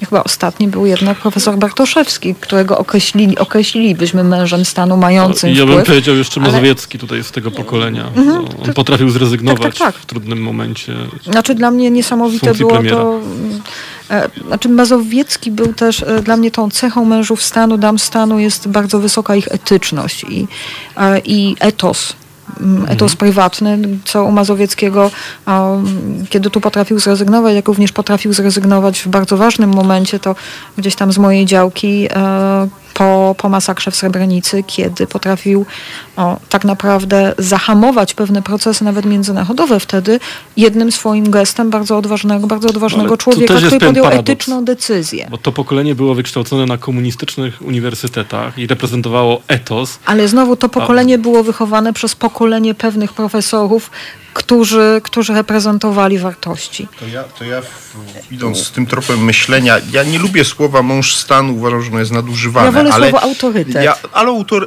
przywódcy oddarzeni autorytetem, albo ja bym chciał tak. powiedzieć inaczej, jeszcze tacy przywódcy, którzy, których celem była zmiana na lepsze, co się czasem udawało, a czasem nie. Otóż moim zdaniem ostatnim takim przywódcą, e, choć reprezentował tak zwaną miękką charyzmę, jak to Jadwiga Staniszkis powiedziała, był Jerzy Buzek, bo rząd Jerzego Buzka był ostatnim rządem, który podjął trud zreformowania Polski, nie licząc się z tym, że to może kosztować przegraną, która nastąpiła, prawda? I, i, i z tych czterech reform ja oceniam dwie bardzo wysoko, y, y, y, czyli przede wszystkim reformę samorządową. To, to jest absolutnie podniesienie samorządu na szczebel powyżej gminy, to jest absolutnie fundamentalna sprawa, co nie znaczy, że wszystko było idealne. Oczywiście nie, ale, ale nie ma reform idealnych i uważam, że, że, że mimo wszystko reforma gimnazjalna miała sens. To była ta druga reforma, natomiast dwie pozostałe reformy już były mniej udane. Mówię tutaj o, o reformie, inaczej inaczej. Co do reformy służby zdrowia, to pewnie nie wiemy, czy ona była udana, czy nie, bo ją SLD za szybko zlikwidował. No i reforma emerytalna, która się okazała z tych czterech niewątpliwie najsłabsza później. Y, już nie będę wchodził w szczegóły dlaczego, ale istotą dla mnie jest to, że oto był ostatni rząd, który miał odwagę wprowadzić niepopularne częściowo ale zmiany. Ale jeszcze dwie. Słucham, Były jeszcze dwie reformy. Znaczy, Bu- Buzka tak, no Buzek na przykład zreformował górnictwo, to był Jeszcze ostatni rząd, ale dla mnie na przykład reforma górnictwa była szalenie ważna. Nie wiem, jakie pan ma na jeszcze na myśli. E, To ja mogę powiedzieć, one były istotne dla systemu politycznego. Jedna to taka, że właśnie wtedy, w 1997 roku, zmieniono ustawę o partiach politycznych i tu jest moim zdaniem bardzo kluczowy moment. Wprowadzono finansowanie partii A to w politycznych. 2001, ale to jest końcówka ale, Buzka. ale tak. uchwalono, nie, nie, nie. Uchwalono w 97, a weszła ta ustawa od 2001 Ale nie, roku. tak naprawdę to obfite finansowanie się zaczęło, to jest pomysł Dorna z 2001, ale to są szczegóły. No Okej. w razie generalnie to wszystko jest okres rządu Buzka. Tylko, że te, to finansowanie partii, ono jest bardzo istotne w kontekście tego, co, y, o czym rozmawiamy. Mm, Bo ono jest tam, ułomne, Tam tak. jeszcze, tam jeszcze ja, ja za chwilę do tego powrócę, tam jeszcze była jedna reforma polegająca na tym, że zmieniono trochę system wyborczy, czyli zlikwidowano listę krajową i system Mhm. wyborczy dalej pozostał e, proporcjonalny, tylko że bardzo mocno zwiększono e, rozmiary terytorialne okręgów wyborczych. Ale w ogóle nastąpiło odejście od systemu Tronta, co zabrało SLD ja, samodzielną Ja uważam, ale- że ten moment musimy uchwycić tutaj. Musimy ten moment uchwycić, dlatego że e, polskie wybory do parlamentu. E, Ktoś, kto żyje w Warszawie, może się nie, nie, nie, nie orientować, ale one wyglądają trochę tak, że w danym okręgu można umieścić osobę, która, to jest oczywiście teoretyczny przykład, nie istnieje. Na pierwszym miejscu listy, można fikcyjną listę, e, fi- fikcyjną osobę umie- umieścić i ona w tym systemie, gdzie jest po 20 osób na, bo jest dwukrotność mandatów, przecież takie, taki obowiązuje przepis, to ta osoba ze względu na tą niską, ba, bar, ba, bardzo dużą anonimowość głosowania nie zostanie rozpoznana i otrzyma mandat. I jednym z takich problemów dzisiejszej demokracji, bo chyba widzimy różnicę między Senatem w tej chwili, który funkcjonuje według innej ordynacji wyborczej. No ale to panie Romanie, to pan się teraz objawił jako zwolennik ruchu Kukiza i jednomandatowych okręgów wyborczych, co myślę z profesorem Konarskim nie jesteśmy entuzjastami Jowów Nie, jako panaceum to, na to, nie, polską nie, nie o to mi chodzi. Ja, ja kiedyś napisałem do profesora Flisa nawet e, specjalny taki, taką analizę, gdzie zaproponowałem jednak w systemie proporcjonalnym zmiany. E, ale o co innego mi chodzi, że ta nieczytelność systemu, to, Tak, że to system, tak. system jest nieczytelny, to, to jest moja teza. System jest nieczytelny, system polityczny jest nieczy- nieczytelny. Co Wyborczy, system wyborczy. wyborczy. Polityczny Też, również. też, tak. Co powoduje, że jest niskie, istnieje niskie poczucie wpływu i ludzie nie angażują się w tą demokrację, nie wchodzą w ten system, dlatego że to ich zniechęca. Druga sprawa, Ale to Moment, ja czy dopowiem, to ich zniechęca? czy ja mogę jedno zdanie powiedzieć? tak. Otóż moim to znie, bo to jest króciutko, ale to, bo ja o tej szkole też wrócę na moment do szkoły, ale nie do szkół wyższych, o tym mówił profesor Konarski, tu się całkowicie podpisuje, do szkół średnich i podstawowych, a mianowicie, kiedy mówimy, bo myśmy cały czas mówili, że tam popełniono błąd, ale właściwie ja nie wyjaśniłem, na czym ten błąd polegał. Otóż bynajmniej nie na tym, że, że lekcji WOS-u jest za mało i że jak zwiększymy trzy razy ilość lekcji WOS-u, to będzie lepiej, czyli wiedzy o społeczeństwie. To nie o to chodzi. Chodzi mi o samorządy szkolne. Otóż trzeba po prostu tych młodych ludzi uczyć demokracji w praktycznym działaniu na tym szkolnym podwórku, oddać im część władzy nad szkołą i uczyć ich, jak ucierać rację, jak walczyć o władzę i jak ponosić odpowiedzialność za błędne decyzje na poziomie sz- starszych uczniów szkoły podstawowej i później tym bardziej w szkole średniej. I wtedy, kiedy oni poczują to, to złapią tego bakcyla pewnej odpowiedzialności obywatelskiej. Tymczasem tego nie ma. A samorządy w szkołach są fikcją. Zgadzam się, ale e, tu dobrze, że pan wszedł w, w epokę Buzka, dlatego że ja się tu uczepiłem i tego systemu e, wyborczego, ale chcę zapytać o ustawę o finansowaniu partii politycznych. Ona z jednej strony ustabilizowała system, ale z drugiej dała pieniądze na demoskopię, na infiltrowanie wyborców, na marketing i przez tą ustawę, przez to finansowanie partii, to jest moje pytanie, czy przez tą ustawę polityka nie stała się zbyt populistyczna właśnie, bo, par- bo partie odwołują się do nastrojów, do trendów, do badań, a więc nie ma takiej polityki odpowiedzialnej, o której zdaje się mówił profesor Wawrzyniec-Konarski, nastawionej na imponderabilia, na dążenie do dobra wspólnego, czasami na pójście pod prąd wyborcom, ale jest nastawienie właśnie na populizm, na to, co chcą wyborcy. Czy to nie psuje demokracji właśnie? Państwo... Dobrze. Naturalnie, że tak, oczywiście. Jeśli, jeśli Państwo pozwolą, dwa słowa na tej kanwie, aczkolwiek nie chcę się tylko i wyłącznie odwoływać do samej ustawy, którą oceniam, y, przyznaję, ambiwalentnie i też nie jestem, tu się zgadzam, pan profesor Dudek dobrze tę sprawę ujął, y, mówiąc, że nie jesteśmy obaj zwolennikami Jowów, bo nie jesteśmy. Jowie są, cały pomysł na ten system first past the post, gdzie zwycięzca bierze wszystko w okręgach jednomandatowych, y, może prowadzić też do znaczących deformacji i do dużej alienacji dużej części wyborców, co nam pokazywały wielokrotnie wybory Wielkiej Brytanii, więc... A systemu preferencyjnego? Kukiz, mój stud- systemu preferencyjnego? Mój, tylko skończę, Paweł Kukiz był moim studentem wiele lat temu, ale uciekł potem z tych zajęć. Jak rozumiem, nie chciał się tego do końca e, nauczyć, no ale ja go bardzo lubię jako, jako, jako muzyka, od razu mówię i bardzo się chciałbym doczekać chwili, w której znowu zacznie śpiewać i tworzyć piosenki, bo naprawdę z tym jest dobrze. Natomiast polityki prawdopodobnie po prostu y, nie rozumie. Y, y, Jeśli chodzi o systemy wyborcze, ja już od dawna prezentuję pogląd, że jestem zwolennikiem zawsze szukania czegoś, co byłoby swoistym złotym środkiem. Dlatego mm, tu oczywiście będzie to związane z pewnym moim wypaczeniem zawodowym. Tak to Państwo być może ocenią. Ja się bowiem zajmuję od ponad 30 lat Irlandią i podoba mi się system STV, czyli pros- m, głosu przechodniego albo przenoszonego, bo ten system w bardzo mocnym stopniu zmusza ludzi do myślenia w procesie Panie oddawania głosu. ja panu wejdę w słowo, bo nasi słuchacze mogą nie rozumieć, jak ten system działa. Pan w paru zdaniach go opisał. Tak, tak, tak. System ten polega na tym, że wyborca musi zaznaczyć swoje preferencje na karcie do głosowania przy nazwiskach konkretnych osób, które wcale nie muszą być mm, opatrzone afiliacjami partyjnymi. Zwykle są oczywiście i nie ma tam tak zwanych miejsc mandatowych, jak to ma miejsce u nas, co też zresztą sprzyja bardzo mocno oligarchizacji polskiej polityki i no niestety przeświadczeniu wśród wyborców, że i tak się nic nie da zrobić, skoro są miejsca mandatowe. E, W Irlandii, e, także na Malcie i w Australii, e, w Senacie Australijskim ten system jeszcze istnieje, to wszystko pokazuje, że ludzie muszą zmuszać siebie w jakimś stopniu do myślenia, oddając takie głosy, czyli te głosy są oddawane w sposób bardziej świadomy. Oczywiście później dochodzi do różnego rodzaju form przenoszenia tych preferencji od tych osób, które są już wcześniej wybrane, na pozostałych, więc to też zwykle sprzyja większym partiom i to jest ten element oligarchizacji. Niemniej jest to i tak o wiele bardziej sensowne niż to, co ma miejsce w warunkach polskich, gdzie istnieją te nieszczęsne miejsca mandatowe, które, no, jak wiemy doskonale, często są oparte na zastrzyku finansowym dla tych osób, które są na tych miejscach umieszczane. Z czym się głęboko nie zgadzam, bo to jest znowu y, no, przykładem tego, o czym mówiłem wcześniej, że nie liczy się w polskiej polityce jakość osoby, która po prostu jest dobra, bo jest dobra, bo się na czymś zna, y, jeśli nie jest ona powiązana z daną partią polityczną. To jest olbrzymia słabość polskiej demokracji. Reasumując, jestem za złotym środkiem, jeśli chodzi o systemy wyborcze.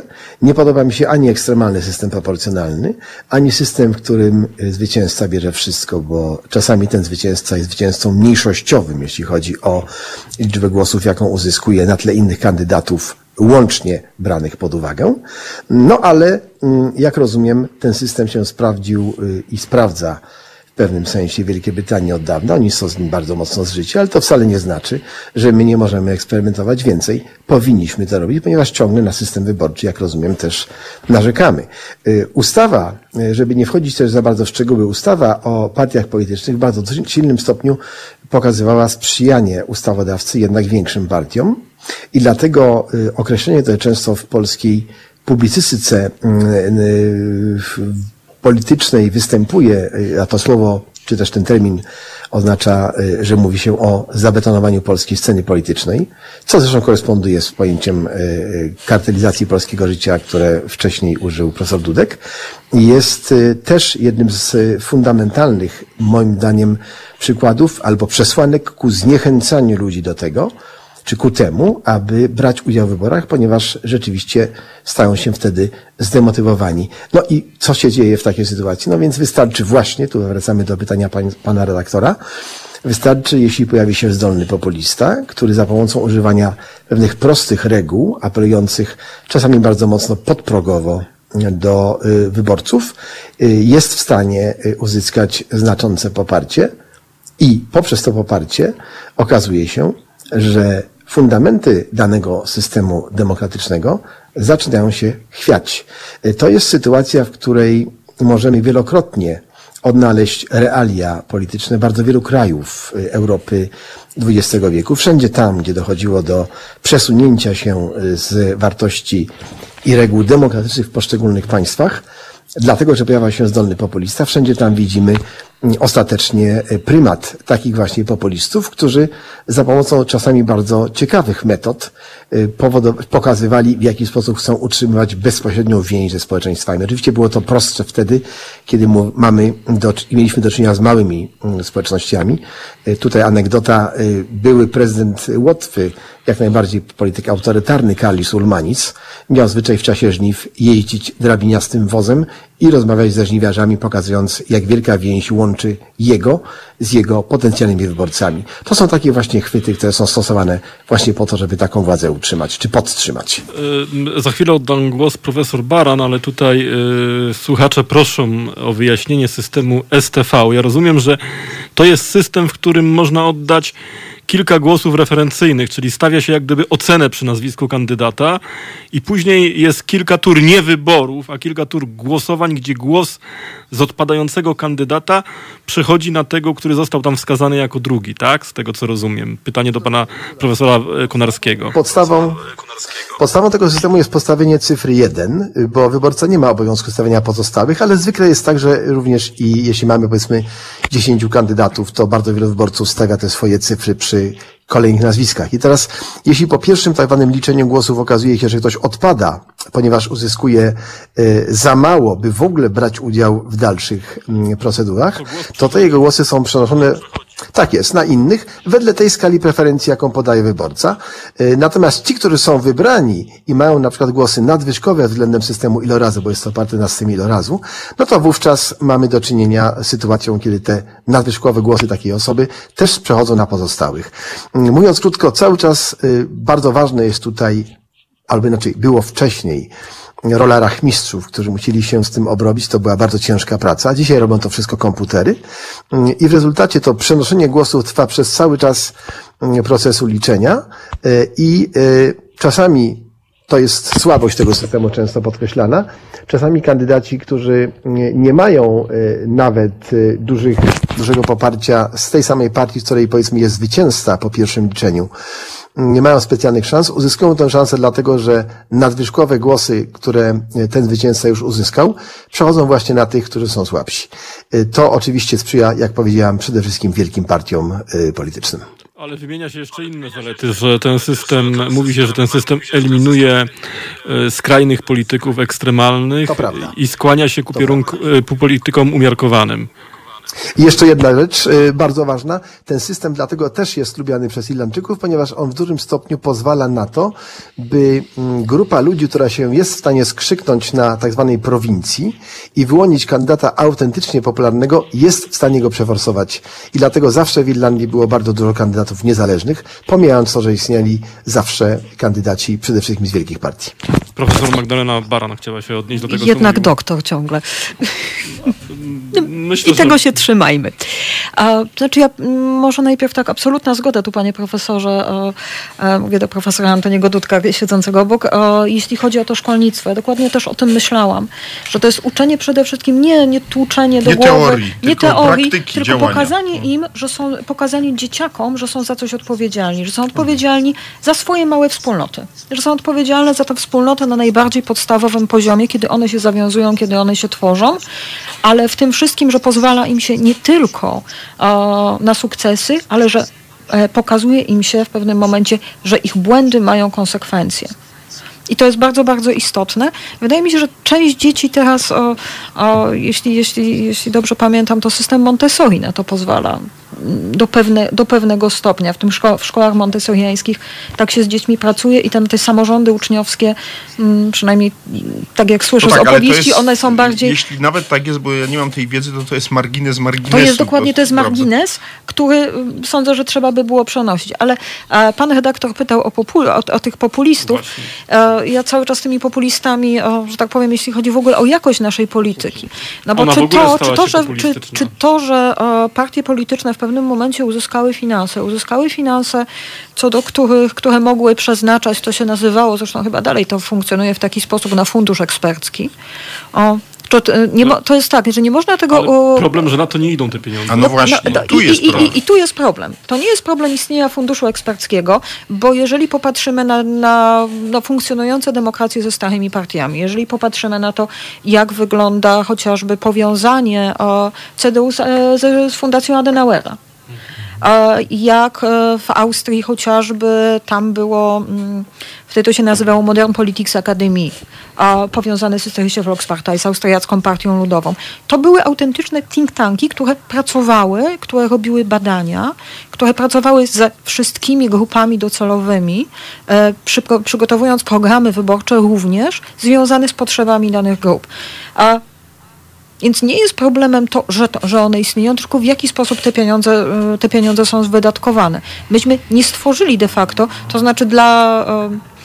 y, z PiSem był prawda wiązany Instytut Sobieskiego. Po, powstał na chwilę, is, znaczy istnieje dalej Instytut Obywatelski wiązany z Platformą, ale w momencie, kiedy Chyba to był rok Instytut Sobieskiego to 2000, już, ale to było, tak, prawda? tak, tak. Natomiast Na ja pamiętam w 2010 roku mieliśmy tą sytuację, kiedy próbowano zmienić ten sposób finansowania w taki, e, tak, żeby fundusz ekspercki przekazywany był właśnie e, na think tanki, na fundacje polityczne powiązane, powiązane z partiami politycznymi. To się nie udało. Jest z tego, co pamiętam, to ta ustawa została między innymi przez PiS przy współpracy z PSL-em wtedy zablokowana. Mm. No bo ona No gra, mamy- bo wiąże no bo- ręce bo liderom wiąże partyjnym. ręce liderom partyjnym Liderzy partyjni przekazuje chcą to- dostawać tak. pieniądze i ja, żeby była jasność, jestem za tym. Partie muszą być finansowane z budżetu, Mhm. bo rozwiązanie sprzed 2001 roku, Mm, w którym pan Wiktor Kubiak przynosił w torebce foliowej e, bank, zwały banknotów dla Kongresu Liberalno-Demokratycznego, a to jest oczywiście jeden z wielu takich przypadków, to akurat Paweł Piskorski opisał w swoich wspomnieniach, a to się powtarzało w innych partiach, to nie jest na pewno zdrowy mechanizm i nie chcielibyśmy, e, żeby to się działo. W związku z tym partie muszą dostawać pieniądze z budżetu, natomiast nie mogą mieć całkowitej dowolności w ich dzieleniu, czyli w związku z tym, nie, bo rzeczywiście co one robią z tymi pieniędzmi? No, większość jednak jest przeznaczana na kampanię wyborczą i na badania, o których pan mówił, to znaczy badania opinii, co się wyborcom podoba, co zrobić, żeby wygrać i później oczywiście na y, y, reklamowanie przekazu właśnie przyjaznego wobec wyborców.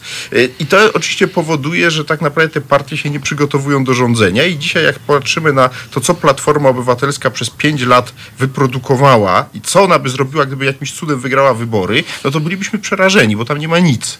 Tam nie ma żadnych pogłębionych analiz, co zrobić z górnictwem, co zrobić e, ze stoczniami, e, jak inaczej prowadzić politykę na przykład e, w zakresie kultury i tak dalej. Nie ma czegoś takiego. To jest parę sloganów i nie ma nic więcej. Nie ma I pracy jest nad hasło, że, tak, i jest zawsze nieśmiertelna odpowiedź, że to są dane poufne i oni dopiero jak wejdą do ministerstw, to poznają te poufne dane i wtedy dopiero będą prowadzić politykę według swojego programu partyjnego. A gdybyśmy trochę zmodyfikowali system finansowania partii i wzmocnili człowieka, no bo dzisiaj jest tak, że ja muszę finansować partię, której nie popieram, pan również i pani profesor również, dlatego że to idzie z naszych podatków. A gdyby zastosować ten wzór, który jest przy stowarzyszeniach, czyli odpisu To podatkowego, prawdopodobnie partie by umarły z głodu, głodu. ponieważ nienawiść w ogóle Polaków do partii politycznej jako takiej jest tak olbrzymia, że jakiś promil Polaków by się decydował finansowanie partii. Mhm. A Nagle gdyby wprowadzić obowiązkowy odpis, tylko nie procentowy, a kwotowy, no bo wiadomo, że gdyby był procentowy, to wtedy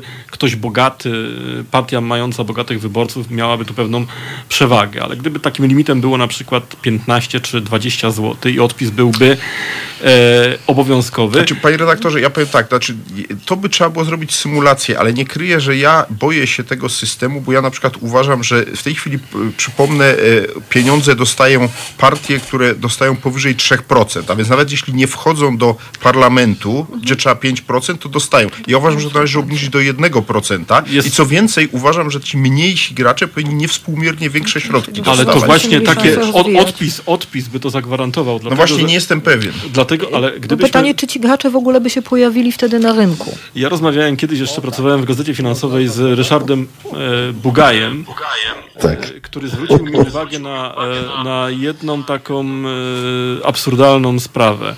Otóż partie parlamentarne dostają pieniądze podwójnie Bo z jednej strony dostają na kluby parlamentarne i te pieniądze już tam idą na ksera, ksera pracują w e, okręgach, wydaje się na różne e, działania polityczne, które się gdzieś tam krzyżują z działaniami parlamentarnymi, a oprócz tego otrzymują pieniądze na działalność partyjną. Natomiast partie, które nie są w parlamencie, że nie, nie, nie, które nie osiągnęły 5% tych 3% e, wymaganych dofinansowania, nie dostają niczego, nie mają nic. I teraz tak naprawdę, jak mówiliśmy o zabetonowaniu sceny politycznej, to mówił chyba pan e, profesor Dudek, e, to to jest jedna, jeden z elementów, czynników, który betonuje scenę polityczną. Do momentu, kiedy... Mo, można dwa słowa? Tak, tak, proszę bardzo. no, o betonowaniu powiedziałem ja, powiem nieskromnie, ale rozumiem, że profesor Dudek... Nie, nie, ale ja się absolutnie nie, nie, nie, nie, nie, nie gniewam. Ale, ale powiedziałem o tym, bo ja jestem absolutnie szalenie zdegustowany tą sytuacją, która się z tym łączy. Nie wiem, czy mm, to zmniejszenie do poziomu 1% jako, y, ja wiem, jako bariery dla do, do, dostawania jakiejś formy dofinansowania, y, co by to zmieniło. Niemniej chcę zwrócić na uwagę, uwagę Państwa na coś innego, co jest y, szerszą sprawą i trudną. Nie ma w ogóle w Polsce od wielu lat rzetelnej dyskusji o tym, co zrobić z finansowaniem partii politycznych. Co ważne, nie ma tutaj szansy na to, aby się mogli na ten temat wypowiedzieć eksperci, ale w taki sposób, by zostało to w sposób poważny wzięte pod uwagę właśnie przez partie polityczne. Dlaczego? No właśnie dlatego, że jednak ten system, chociaż jest nominalnie krytykowany, w istocie bardzo odpowiada i on, no niestety, jest w dużym stopniu demotywujący dla bardzo wielu naszych współrodaków, jeśli chodzi o ich decyzję o tym, czy pójść, czy nie pójść do wyborów. Więc skoro mamy tego typu sytuacje i skoro się dzieją, y, dzieją, y, no, pewne, pewne, pewne, pewne fakty mają miejsce w przestrzeni publicznej, które pokazują, że ten element demotywacji istnieje, to ze wszechmiar klasa polityczna powinna się tym wreszcie zainteresować i podjąć próbę, posiłkując się kompetencjami ludzi nauki, do tego, żeby ten problem w sposób systemowy rozstrzygnąć. Nie ma takiej woli. Kwestia druga, i kwestia druga, się pozwolicie, jeszcze go dokończę. To, o czym przed chwileczką Państwo mówili, to, że partie są nieprzygotowane długofalowo do procesu rządzenia, że co by się stało, gdyby Platforma rządziła, pewna zgoda. Ale to zjawisko łączy się z e, bardzo ciekawym faktem istniejącym w, nie tylko w polskiej przestrzeni publicznej, czy powiedzmy węziej politycznej, e, który się nazywa roboczo sondażokracją. W istocie mamy dzisiaj bardzo mocną rolę sondaży, jako tych, które są mm, elementami korygującymi zachowania polityków i partii politycznych, które bardzo często nie są wcale zgodne z interesami ich wyborców, tylko są absolutnie podporządkowane temu, jakie wyniki sondażowe uzyskują dane partie polityczne w momencie, kiedy piastują funkcję czy to partii rządzącej, czy to partii opozycyjnej. Oznacza to ni mniej, ni więcej, że sondażokracja, czyli rządy sondaży, są e, w jakimś stopniu podstawową przesłanką do tego, żeby się móc angażować bardziej lub mniej w autokorektę swojego postępowania w danym momencie, a nie brania pod uwagę tego, co wcześniej było elementem obietnic, na przykład zgłoszonych w postaci kampanii wyborczej. To też jest zjawisko bardzo negatywne i ono w dużym stopniu także składa się na y, zestaw pewnych elementów, które tak czy inaczej stanowiły do tej pory, nie wiem czy będą stanowić w dalszym ciągu, ale do tej pory to było tak widoczne, stanowiły istotną, demotywacyjną stronę w procesie myślenia tych, którzy decydowali się do wzięcia udziału lub nie wzięcia udziału w wyborach. Mnie ta sytuacja też bardzo martwi, ponieważ ona się stale powtarza i na dobrą sprawę nie widać również gotowości ze strony mm, ważnych polskich partii politycznych, by coś z tą sytuacją zrobić. Y, y, y, wchodząc w to, co Pan mówi, mam pytanie do profesora Dudka. Czy może zrobimy przerwę w tej chwili techniczną? posłuchamy muzykę przez chwilę. Oczywiście nasi goście pozostają z nami. Telefon do Halo Radia 22 39 059 22. Prosimy do nas dzwonić, pisać. E, mail to teraz małpa halo.radio. Serdecznie Państwa pozdrawiamy. Zostańcie e, z nami po krótkiej przerwie. E, połączymy się z Państwem znowu i będziemy dalej rozmawiać o demokracji. Słuchajcie powtórki programu. Halo Radio. Gadamy i trochę gramy.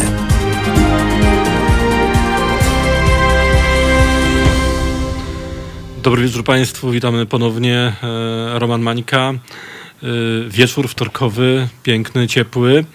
E, mam nadzieję, że Państwo są z nami. Widzę tutaj na, po dyskusji, patrząc na dyskusję, że Państwo e, dyskutują, że są obecni, że obserwują nasz program. Bardzo za to dziękujemy. W naszym studiu dr Magdalena e, Baran, profesor e, Antoni Dudek oraz profesor Wawrzyniec Konarski na łączach telefonicznych. Rozmawiamy o demokracji i o tym, dlaczego zepsuła się demokracja. Tutaj padła taka teza profesora Konarskiego, że polska polityka jest e, zabetonowana. Tylko ja mam pytanie, czy zabetonowanie polityki to jest największy problem?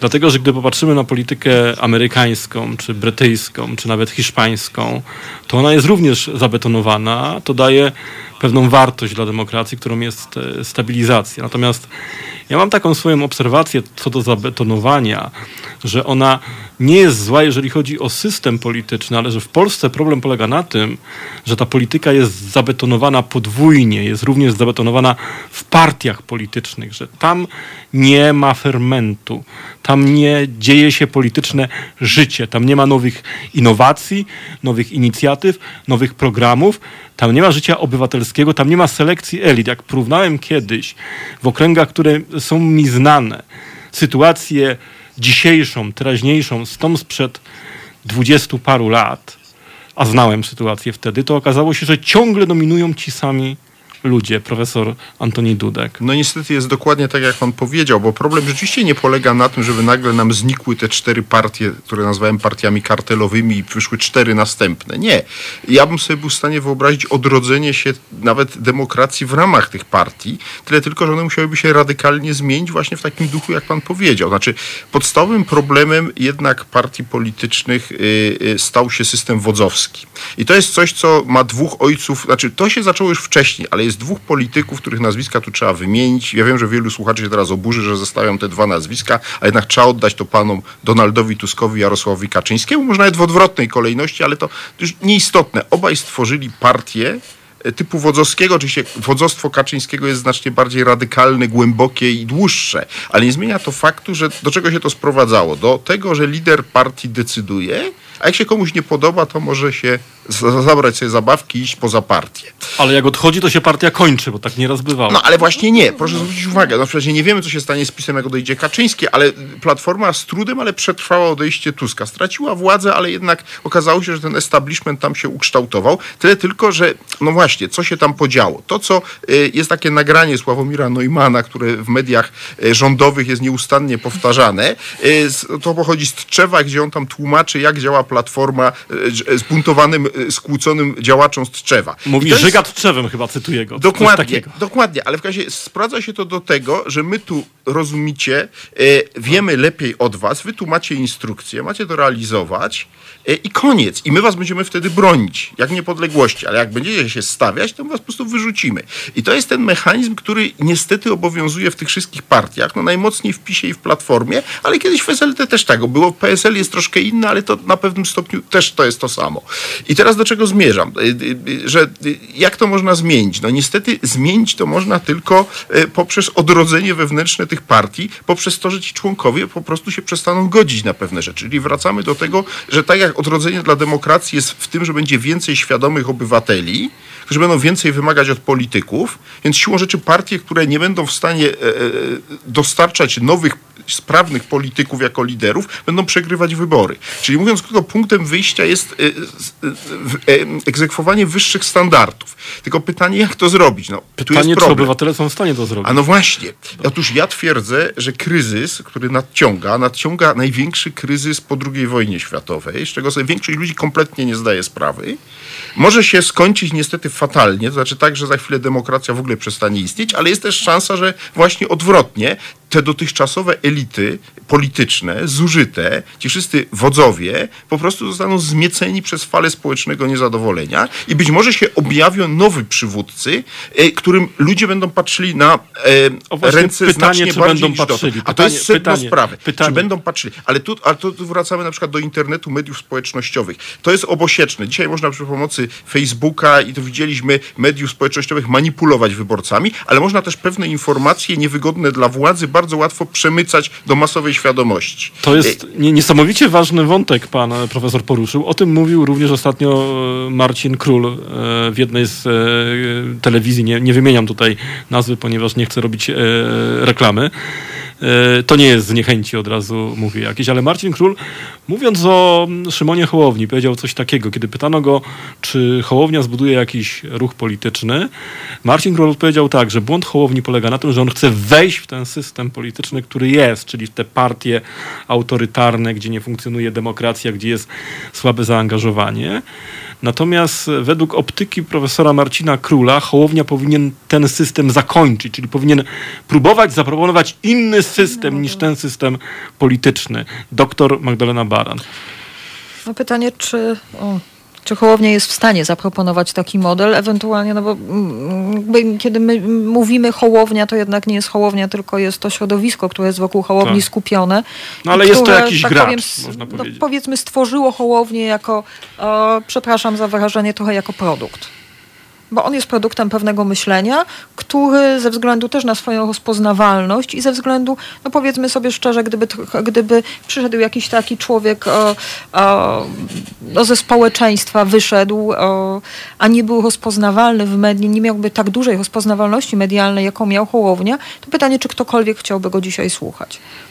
I tak i nie, jeżeli e, prędzej, e, jeżeli miałby w pewnym momencie zbudowany poprzez również na przykład media społecznościowe e, profil, teraz mówi się, prawda, jak to politycy funkcjonują. Ja ostatnio, ostatnio założyłam Instagrama i, i widzę, jak nasi politycy funkcjonują na Instagramie. Jest to dla mnie coś absolutnie, absolutne nowum, ale chcę z czymś wrócić. Mamy tego Hołownię jako model. Pan profesor przywoływał, przywoływał tą platformę.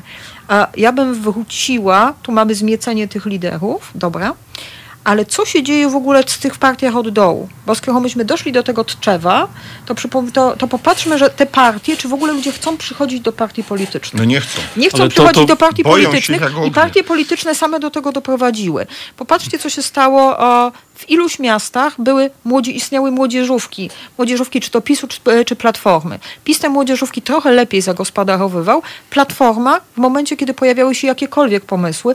I tutaj pamiętam na przykład trzy takie podejścia e, młodzieżówki Platformy Obywatelskiej w Krakowie. E, Ci młodzi ludzie z pomysłami, z inicjatywami, z otwartością zostali momentalnie wycięci przez pokolenie, wtedy jeszcze pamiętam takie wycięcie, kiedy Jarosław Gowin był w Krakowie w Platformie Obywatelskiej. Mm. To zostało ścięte, w związku z czym ci ludzie nie chcą. Jaki my mamy następnie, co się, dzie- co się dzieje e, z młodymi posłami? Ja miałam teraz też oka- ym, okazję przy tym głos- przy głosowaniu. E, no, najmłodszy poseł Platformy Obywatelskiej, bodaj najmłodszy poseł Platformy Obywatelskiej, który w słynnym głosowaniu dotyczącym pod, podniesienia uposażeń poselskich i, i całej naszej e, świty politycznej e, zagłosował inaczej niż partia, został przez tą partię bardzo mocno upomniany. Mm. To jest y, znowu człowiek, który nie pamiętam, czy on czy wygrał, czy, czy, czy Poznania, minimalnie Starczewski, przegrał. Tak, tak. Starczewski. Czy Tak. on, No bo to e, nie on jest, wygrał bo to z jest Rafałem. Platformy. To, jest, po prostu młody to jest człowiek, młody który człowiek, to wyszedł, jest- y, zdał się znany w tak. Poznaniu na, w czasie to protestów przeciwko, tak, świateł, tak, tak. z czasach PiSu, znaczy w pierwszej fazie rządów PiSu i go po prostu Platforma przyciągnęła, bo od czasu do czasu te partie sobie biorą takich lokalnych y, właśnie fajterów, żeby się troszkę wzmocnić. Ale y, jeśli można jeszcze, bo wiem, że profesor Konarski już czeka na głos, jedna króciutka rzecz.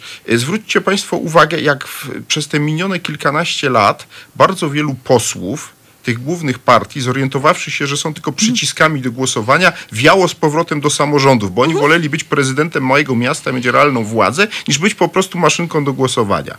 E, Tam się też bardzo łatwo zabe- zabetonować. Na, na A to swoją drogą, samorząd No to jest temat, to też patologia to samorządu. nie jest to tak, temat, e, No, panie profesorze, nie że na dzień samorząd jest tak bardzo udany, mógłbym o wielu Nie, pali, patolo- nie. powiedzieć.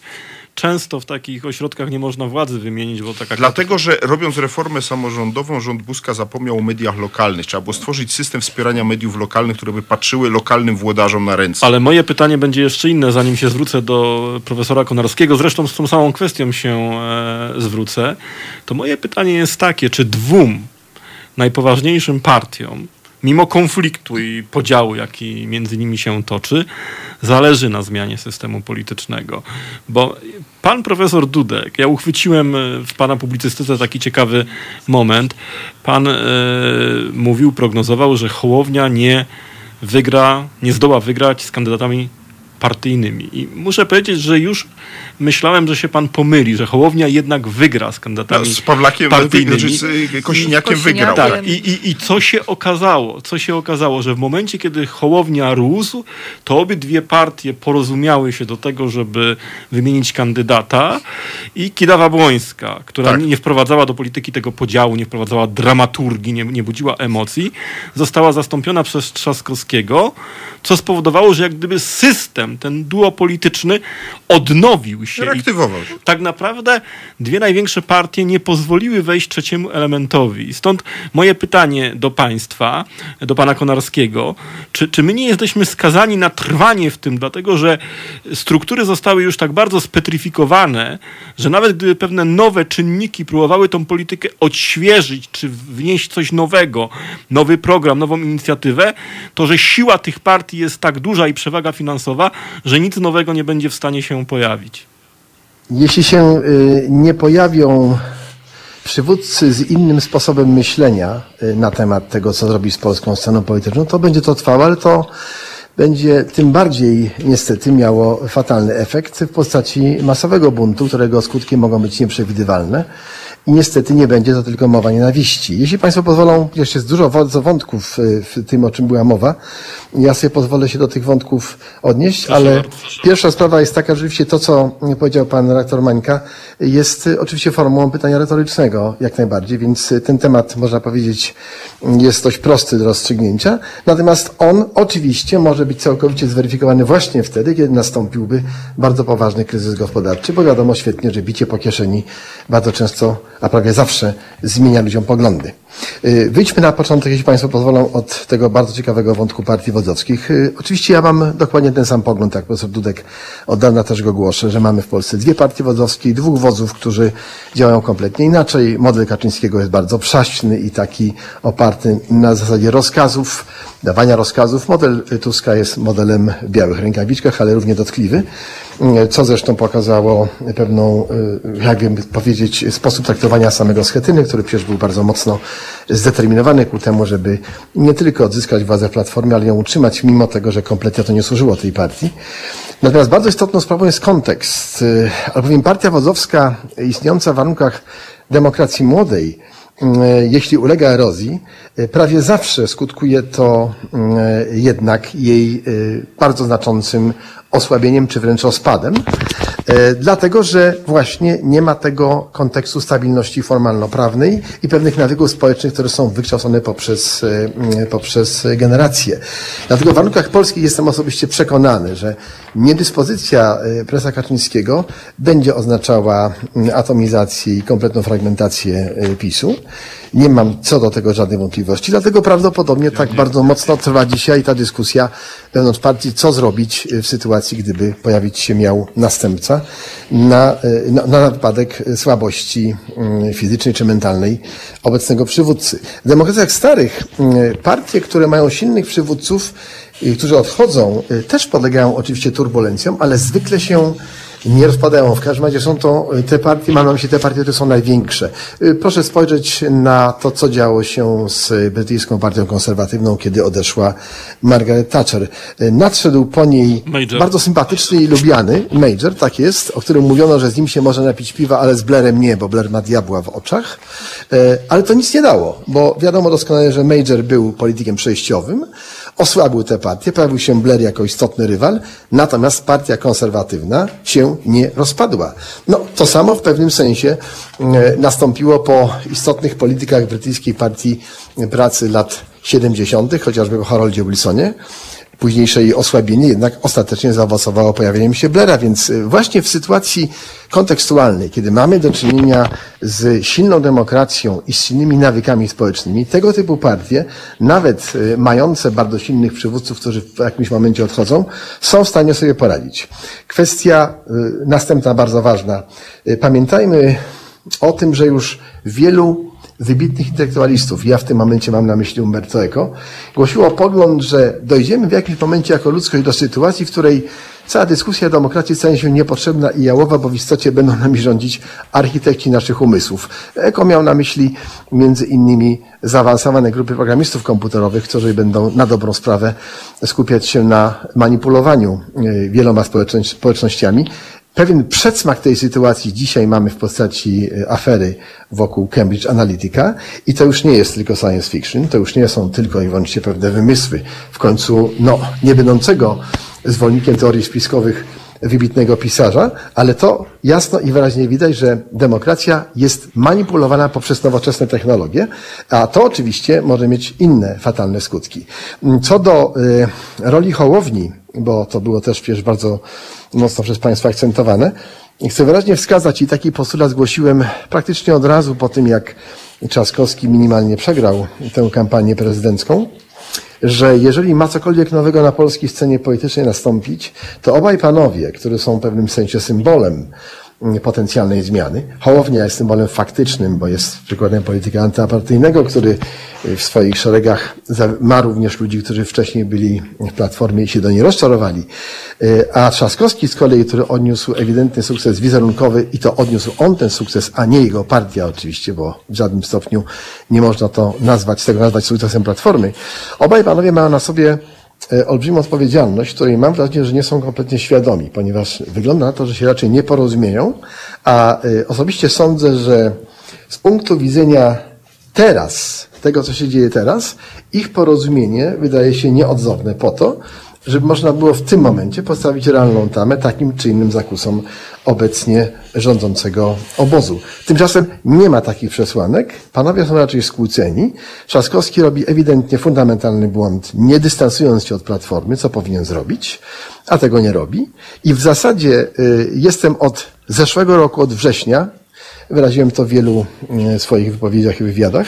Jestem zwolennikiem tego, żeby Platforma dokonała, jeśli nie samolikwidacji, to głębokiego przeorania swojej własnej ideologii, swojego pomysłu na funkcjonowanie e, swojej grupy aktywistów czy swojego aparatu partyjnego, dlatego że to, co do tej pory było osiągnięte w czasach Tuska, po prostu niemożliwe jest do utrzymania w czasach jego następców. Ale mam niestety wrażenie, że nikt się tego typu sugestiami w końcu sugestiami płynącymi też od, bo nie jestem tu jedyną przecież osobą, od ekspertów nieuwikłanych w bieżącą funkcjonowanie partii politycznych, kompletnie ignorowane i w, w efekcie mamy taką sytuację, jaką mamy, czyli kompletną indolencję i niemożność dokonania jakiegokolwiek przełomu. Y, Moja puenta jest taka, że na dzisiaj, w sensie taktycznym, takie porozumienie między Hołownią a Trzaskowskim dawałoby pewną gwarancję. Oczywiście najpierw musiałby być spisany protokół rozbieżności, co jest nieodzowne.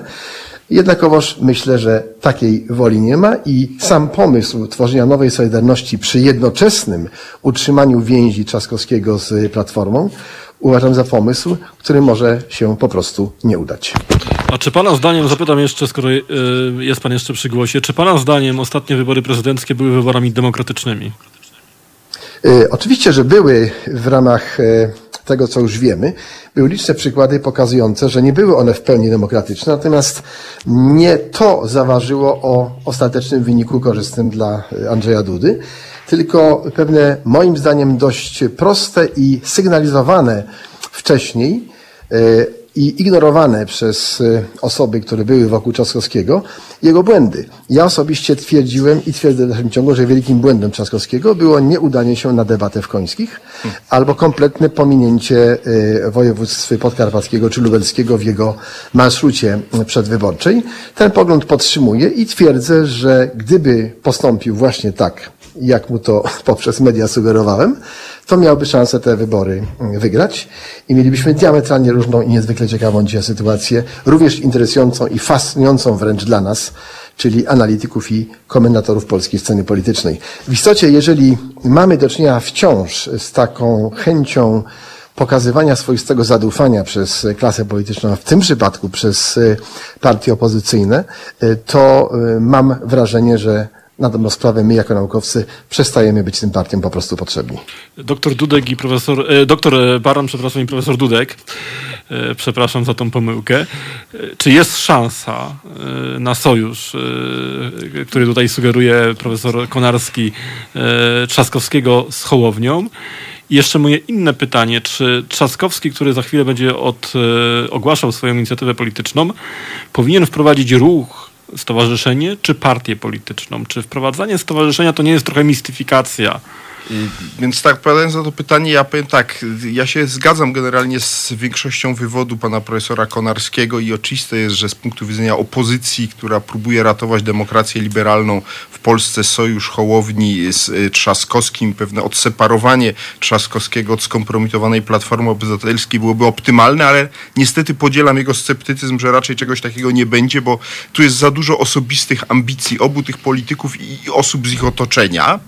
Podobnie zgadzam się z profesorem y, Konarskim w sprawie tego, dlaczego Trzaskowski przegrał o tych końskich, też mówiłem wielokrotnie, więc Tak, możemy tak, sobie tak. podać e, ręce z panem profesorem. Jedyne właściwie, co nas odróżniło, gdzie ja miał inne zdanie, to jego początkowa wypowiedź na temat prezesa Kaczyńskiego i, i teza, że jeśli prezes Kaczyński z jakichś powodów nagle e, przestanie być zdolny do przewodzenia PiSowi, to PiS się natychmiast rozleci. Ja tak uważałem do 2015 roku.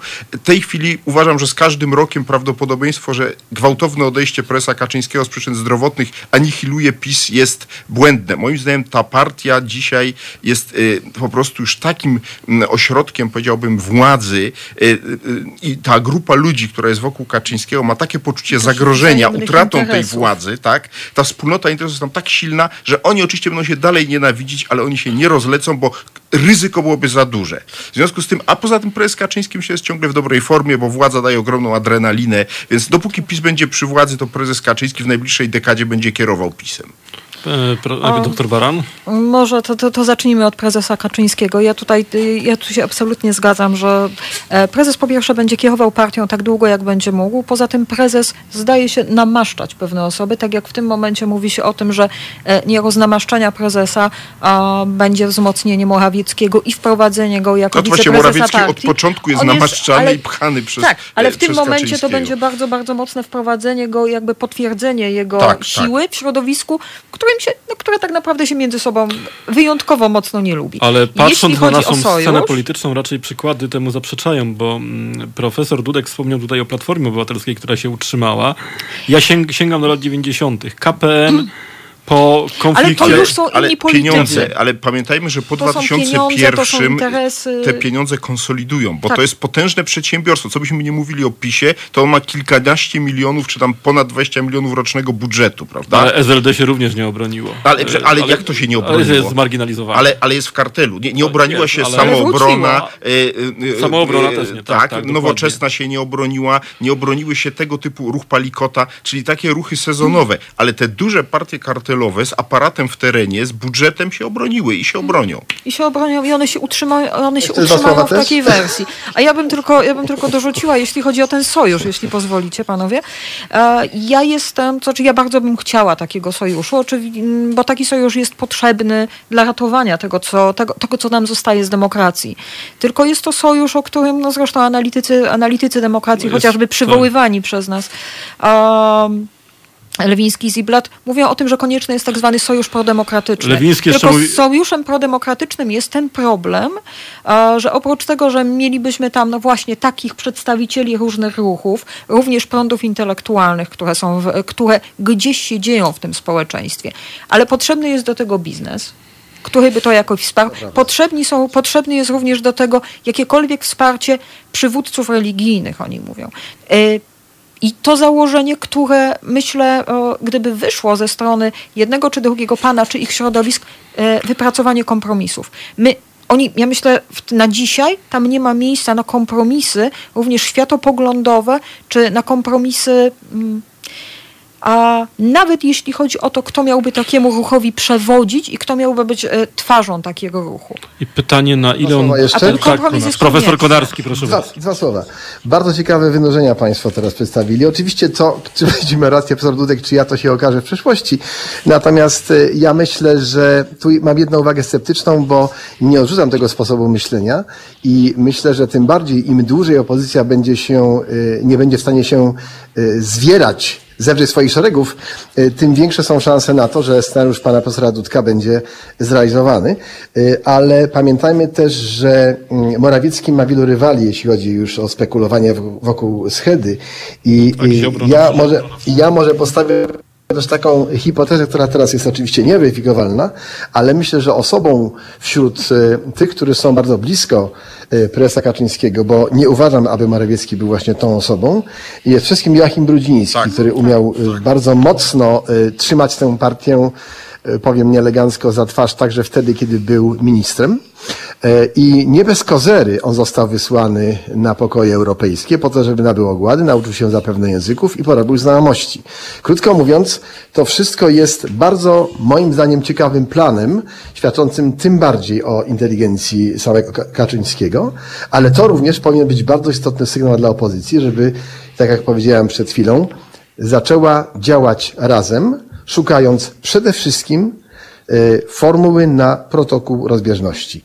Nikt tej formuły nie chce opracować, a przecież wiadomo doskonale, że ona jest o tyle prosta, że każdy protokół rozbieżności, jeśli się go sformułuje, y, prowadzi do wniosków, które są wnioskami pozytywnymi. No bo jeśli się stworzy już taki protokół, to wiadomo, że cokolwiek innego się już powie, to już są sprawy pozytywne. Otóż ja nie mogę pojąć, jak z punktu widzenia wydawałoby się profesjonalistów, jakimi są przecież ludzie działający w Platformie, można jednocześnie widzieć w nich tak nieprawdopodobną zachłanność ku temu, żeby utrzymać, mówiąc brzydko, swoje stołki i żeby nie chcieć otworzyć oczy na to wszystko, czego symbolem stał się ruch Hołowni i czego symbolem stało się jednak bardzo mocne wzmocnienie wizerunkowe e, Trzaskowskiego, co do którego kompetencji wyrażałem pozytywną opinię jeszcze sześć lat temu, kiedy sugerowałem, że to on powinien być przywódcą Platformy, a nie w żadnym stopniu pani Ewa Kopacz czy e, później Schetyna.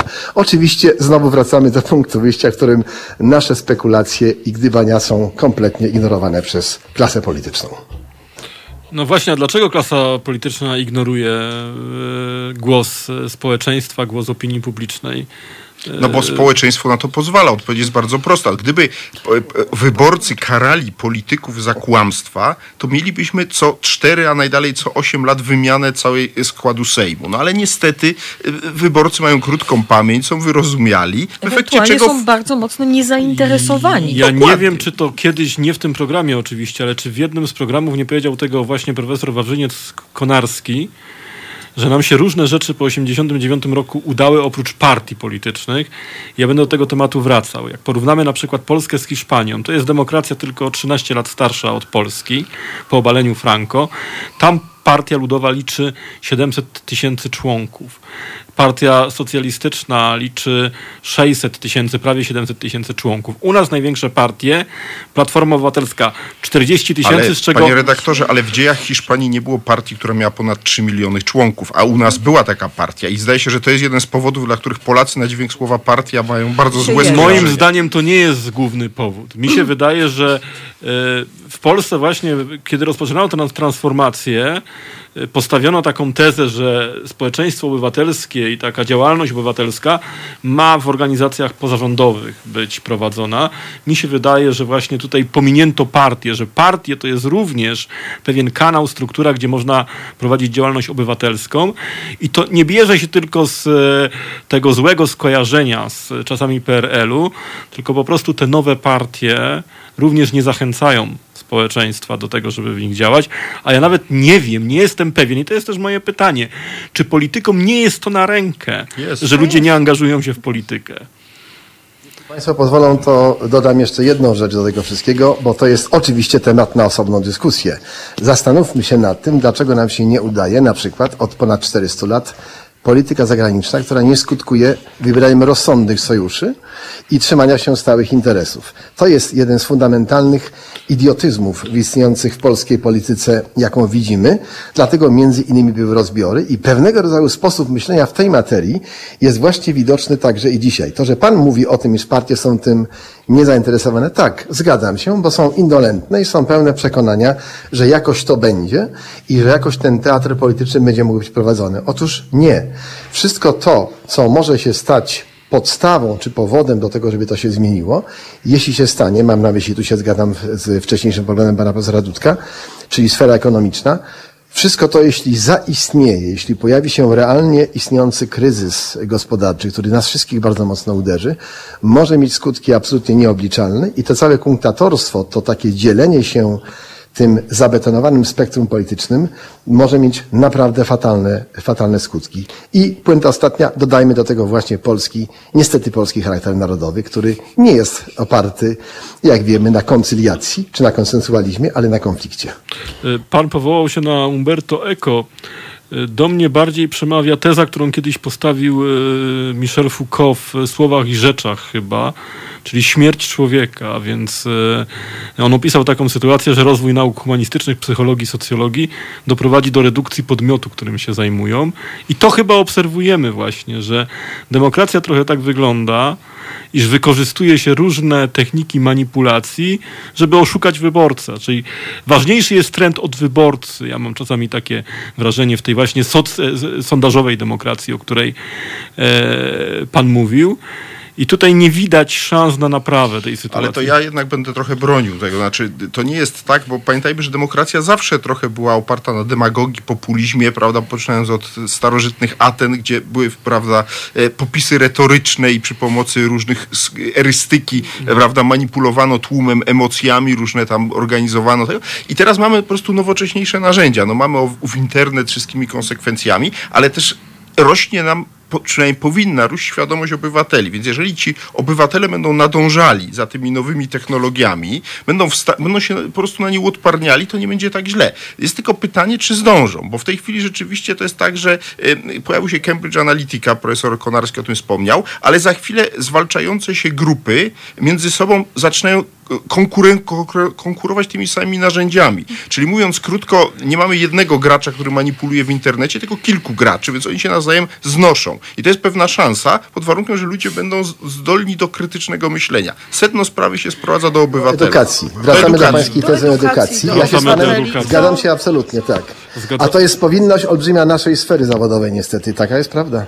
Proszę Państwa, tak, myślenia, doktor, jeśli mi pozwolicie na to tak, tak ostatnie tak, zdanie. I pamiętajcie, że, że w tym wszystkim najbardziej psują w tej chwili nam demokrację ci, którzy najgłośniej krzyczeli o jej obronie, bo jednak PiS krzyczał o obronie demokracji i często populiści krzyczą, że bronią zdobyczy demokracji, a tak naprawdę o na złodzieju tak czapka gorej. Na złodzieju czapka gorej. To Dokładnie, chyba... proszę Państwa, ale ten program jest to na pewno ten program jest e, na pewno po to, żeby budować e, obywatela, żeby e, tworzyć społeczeństwo obywatelskie, również żeby zwiększać świadomość. Po to zapraszamy naszych szanownych gości, aby właśnie wskazali nam na pewne błędy niedomagania systemu demokratycznego, a także zaproponowali możliwe sposoby naprawy. Moglibyśmy tak do rana mm, rozmawiać, bo temat jest niesamowicie e, ciekawy.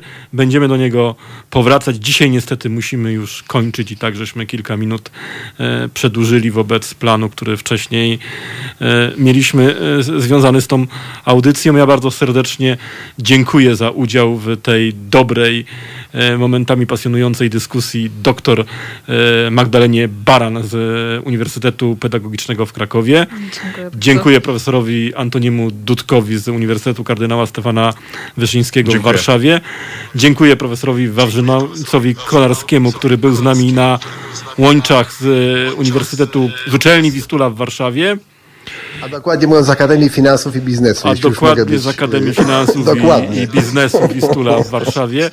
Serdecznie dziękujemy, Dziękuję proszę bardzo. Państwa. Mam nadzieję, że nie spotykamy się w tym gronie ostatni raz do tematu demokracji. Będziemy jeszcze wielokrotnie e, powracali. Życzę Państwu miłej nocy, wszystkiego dobrego i do zobaczenia, do usłyszenia za tydzień.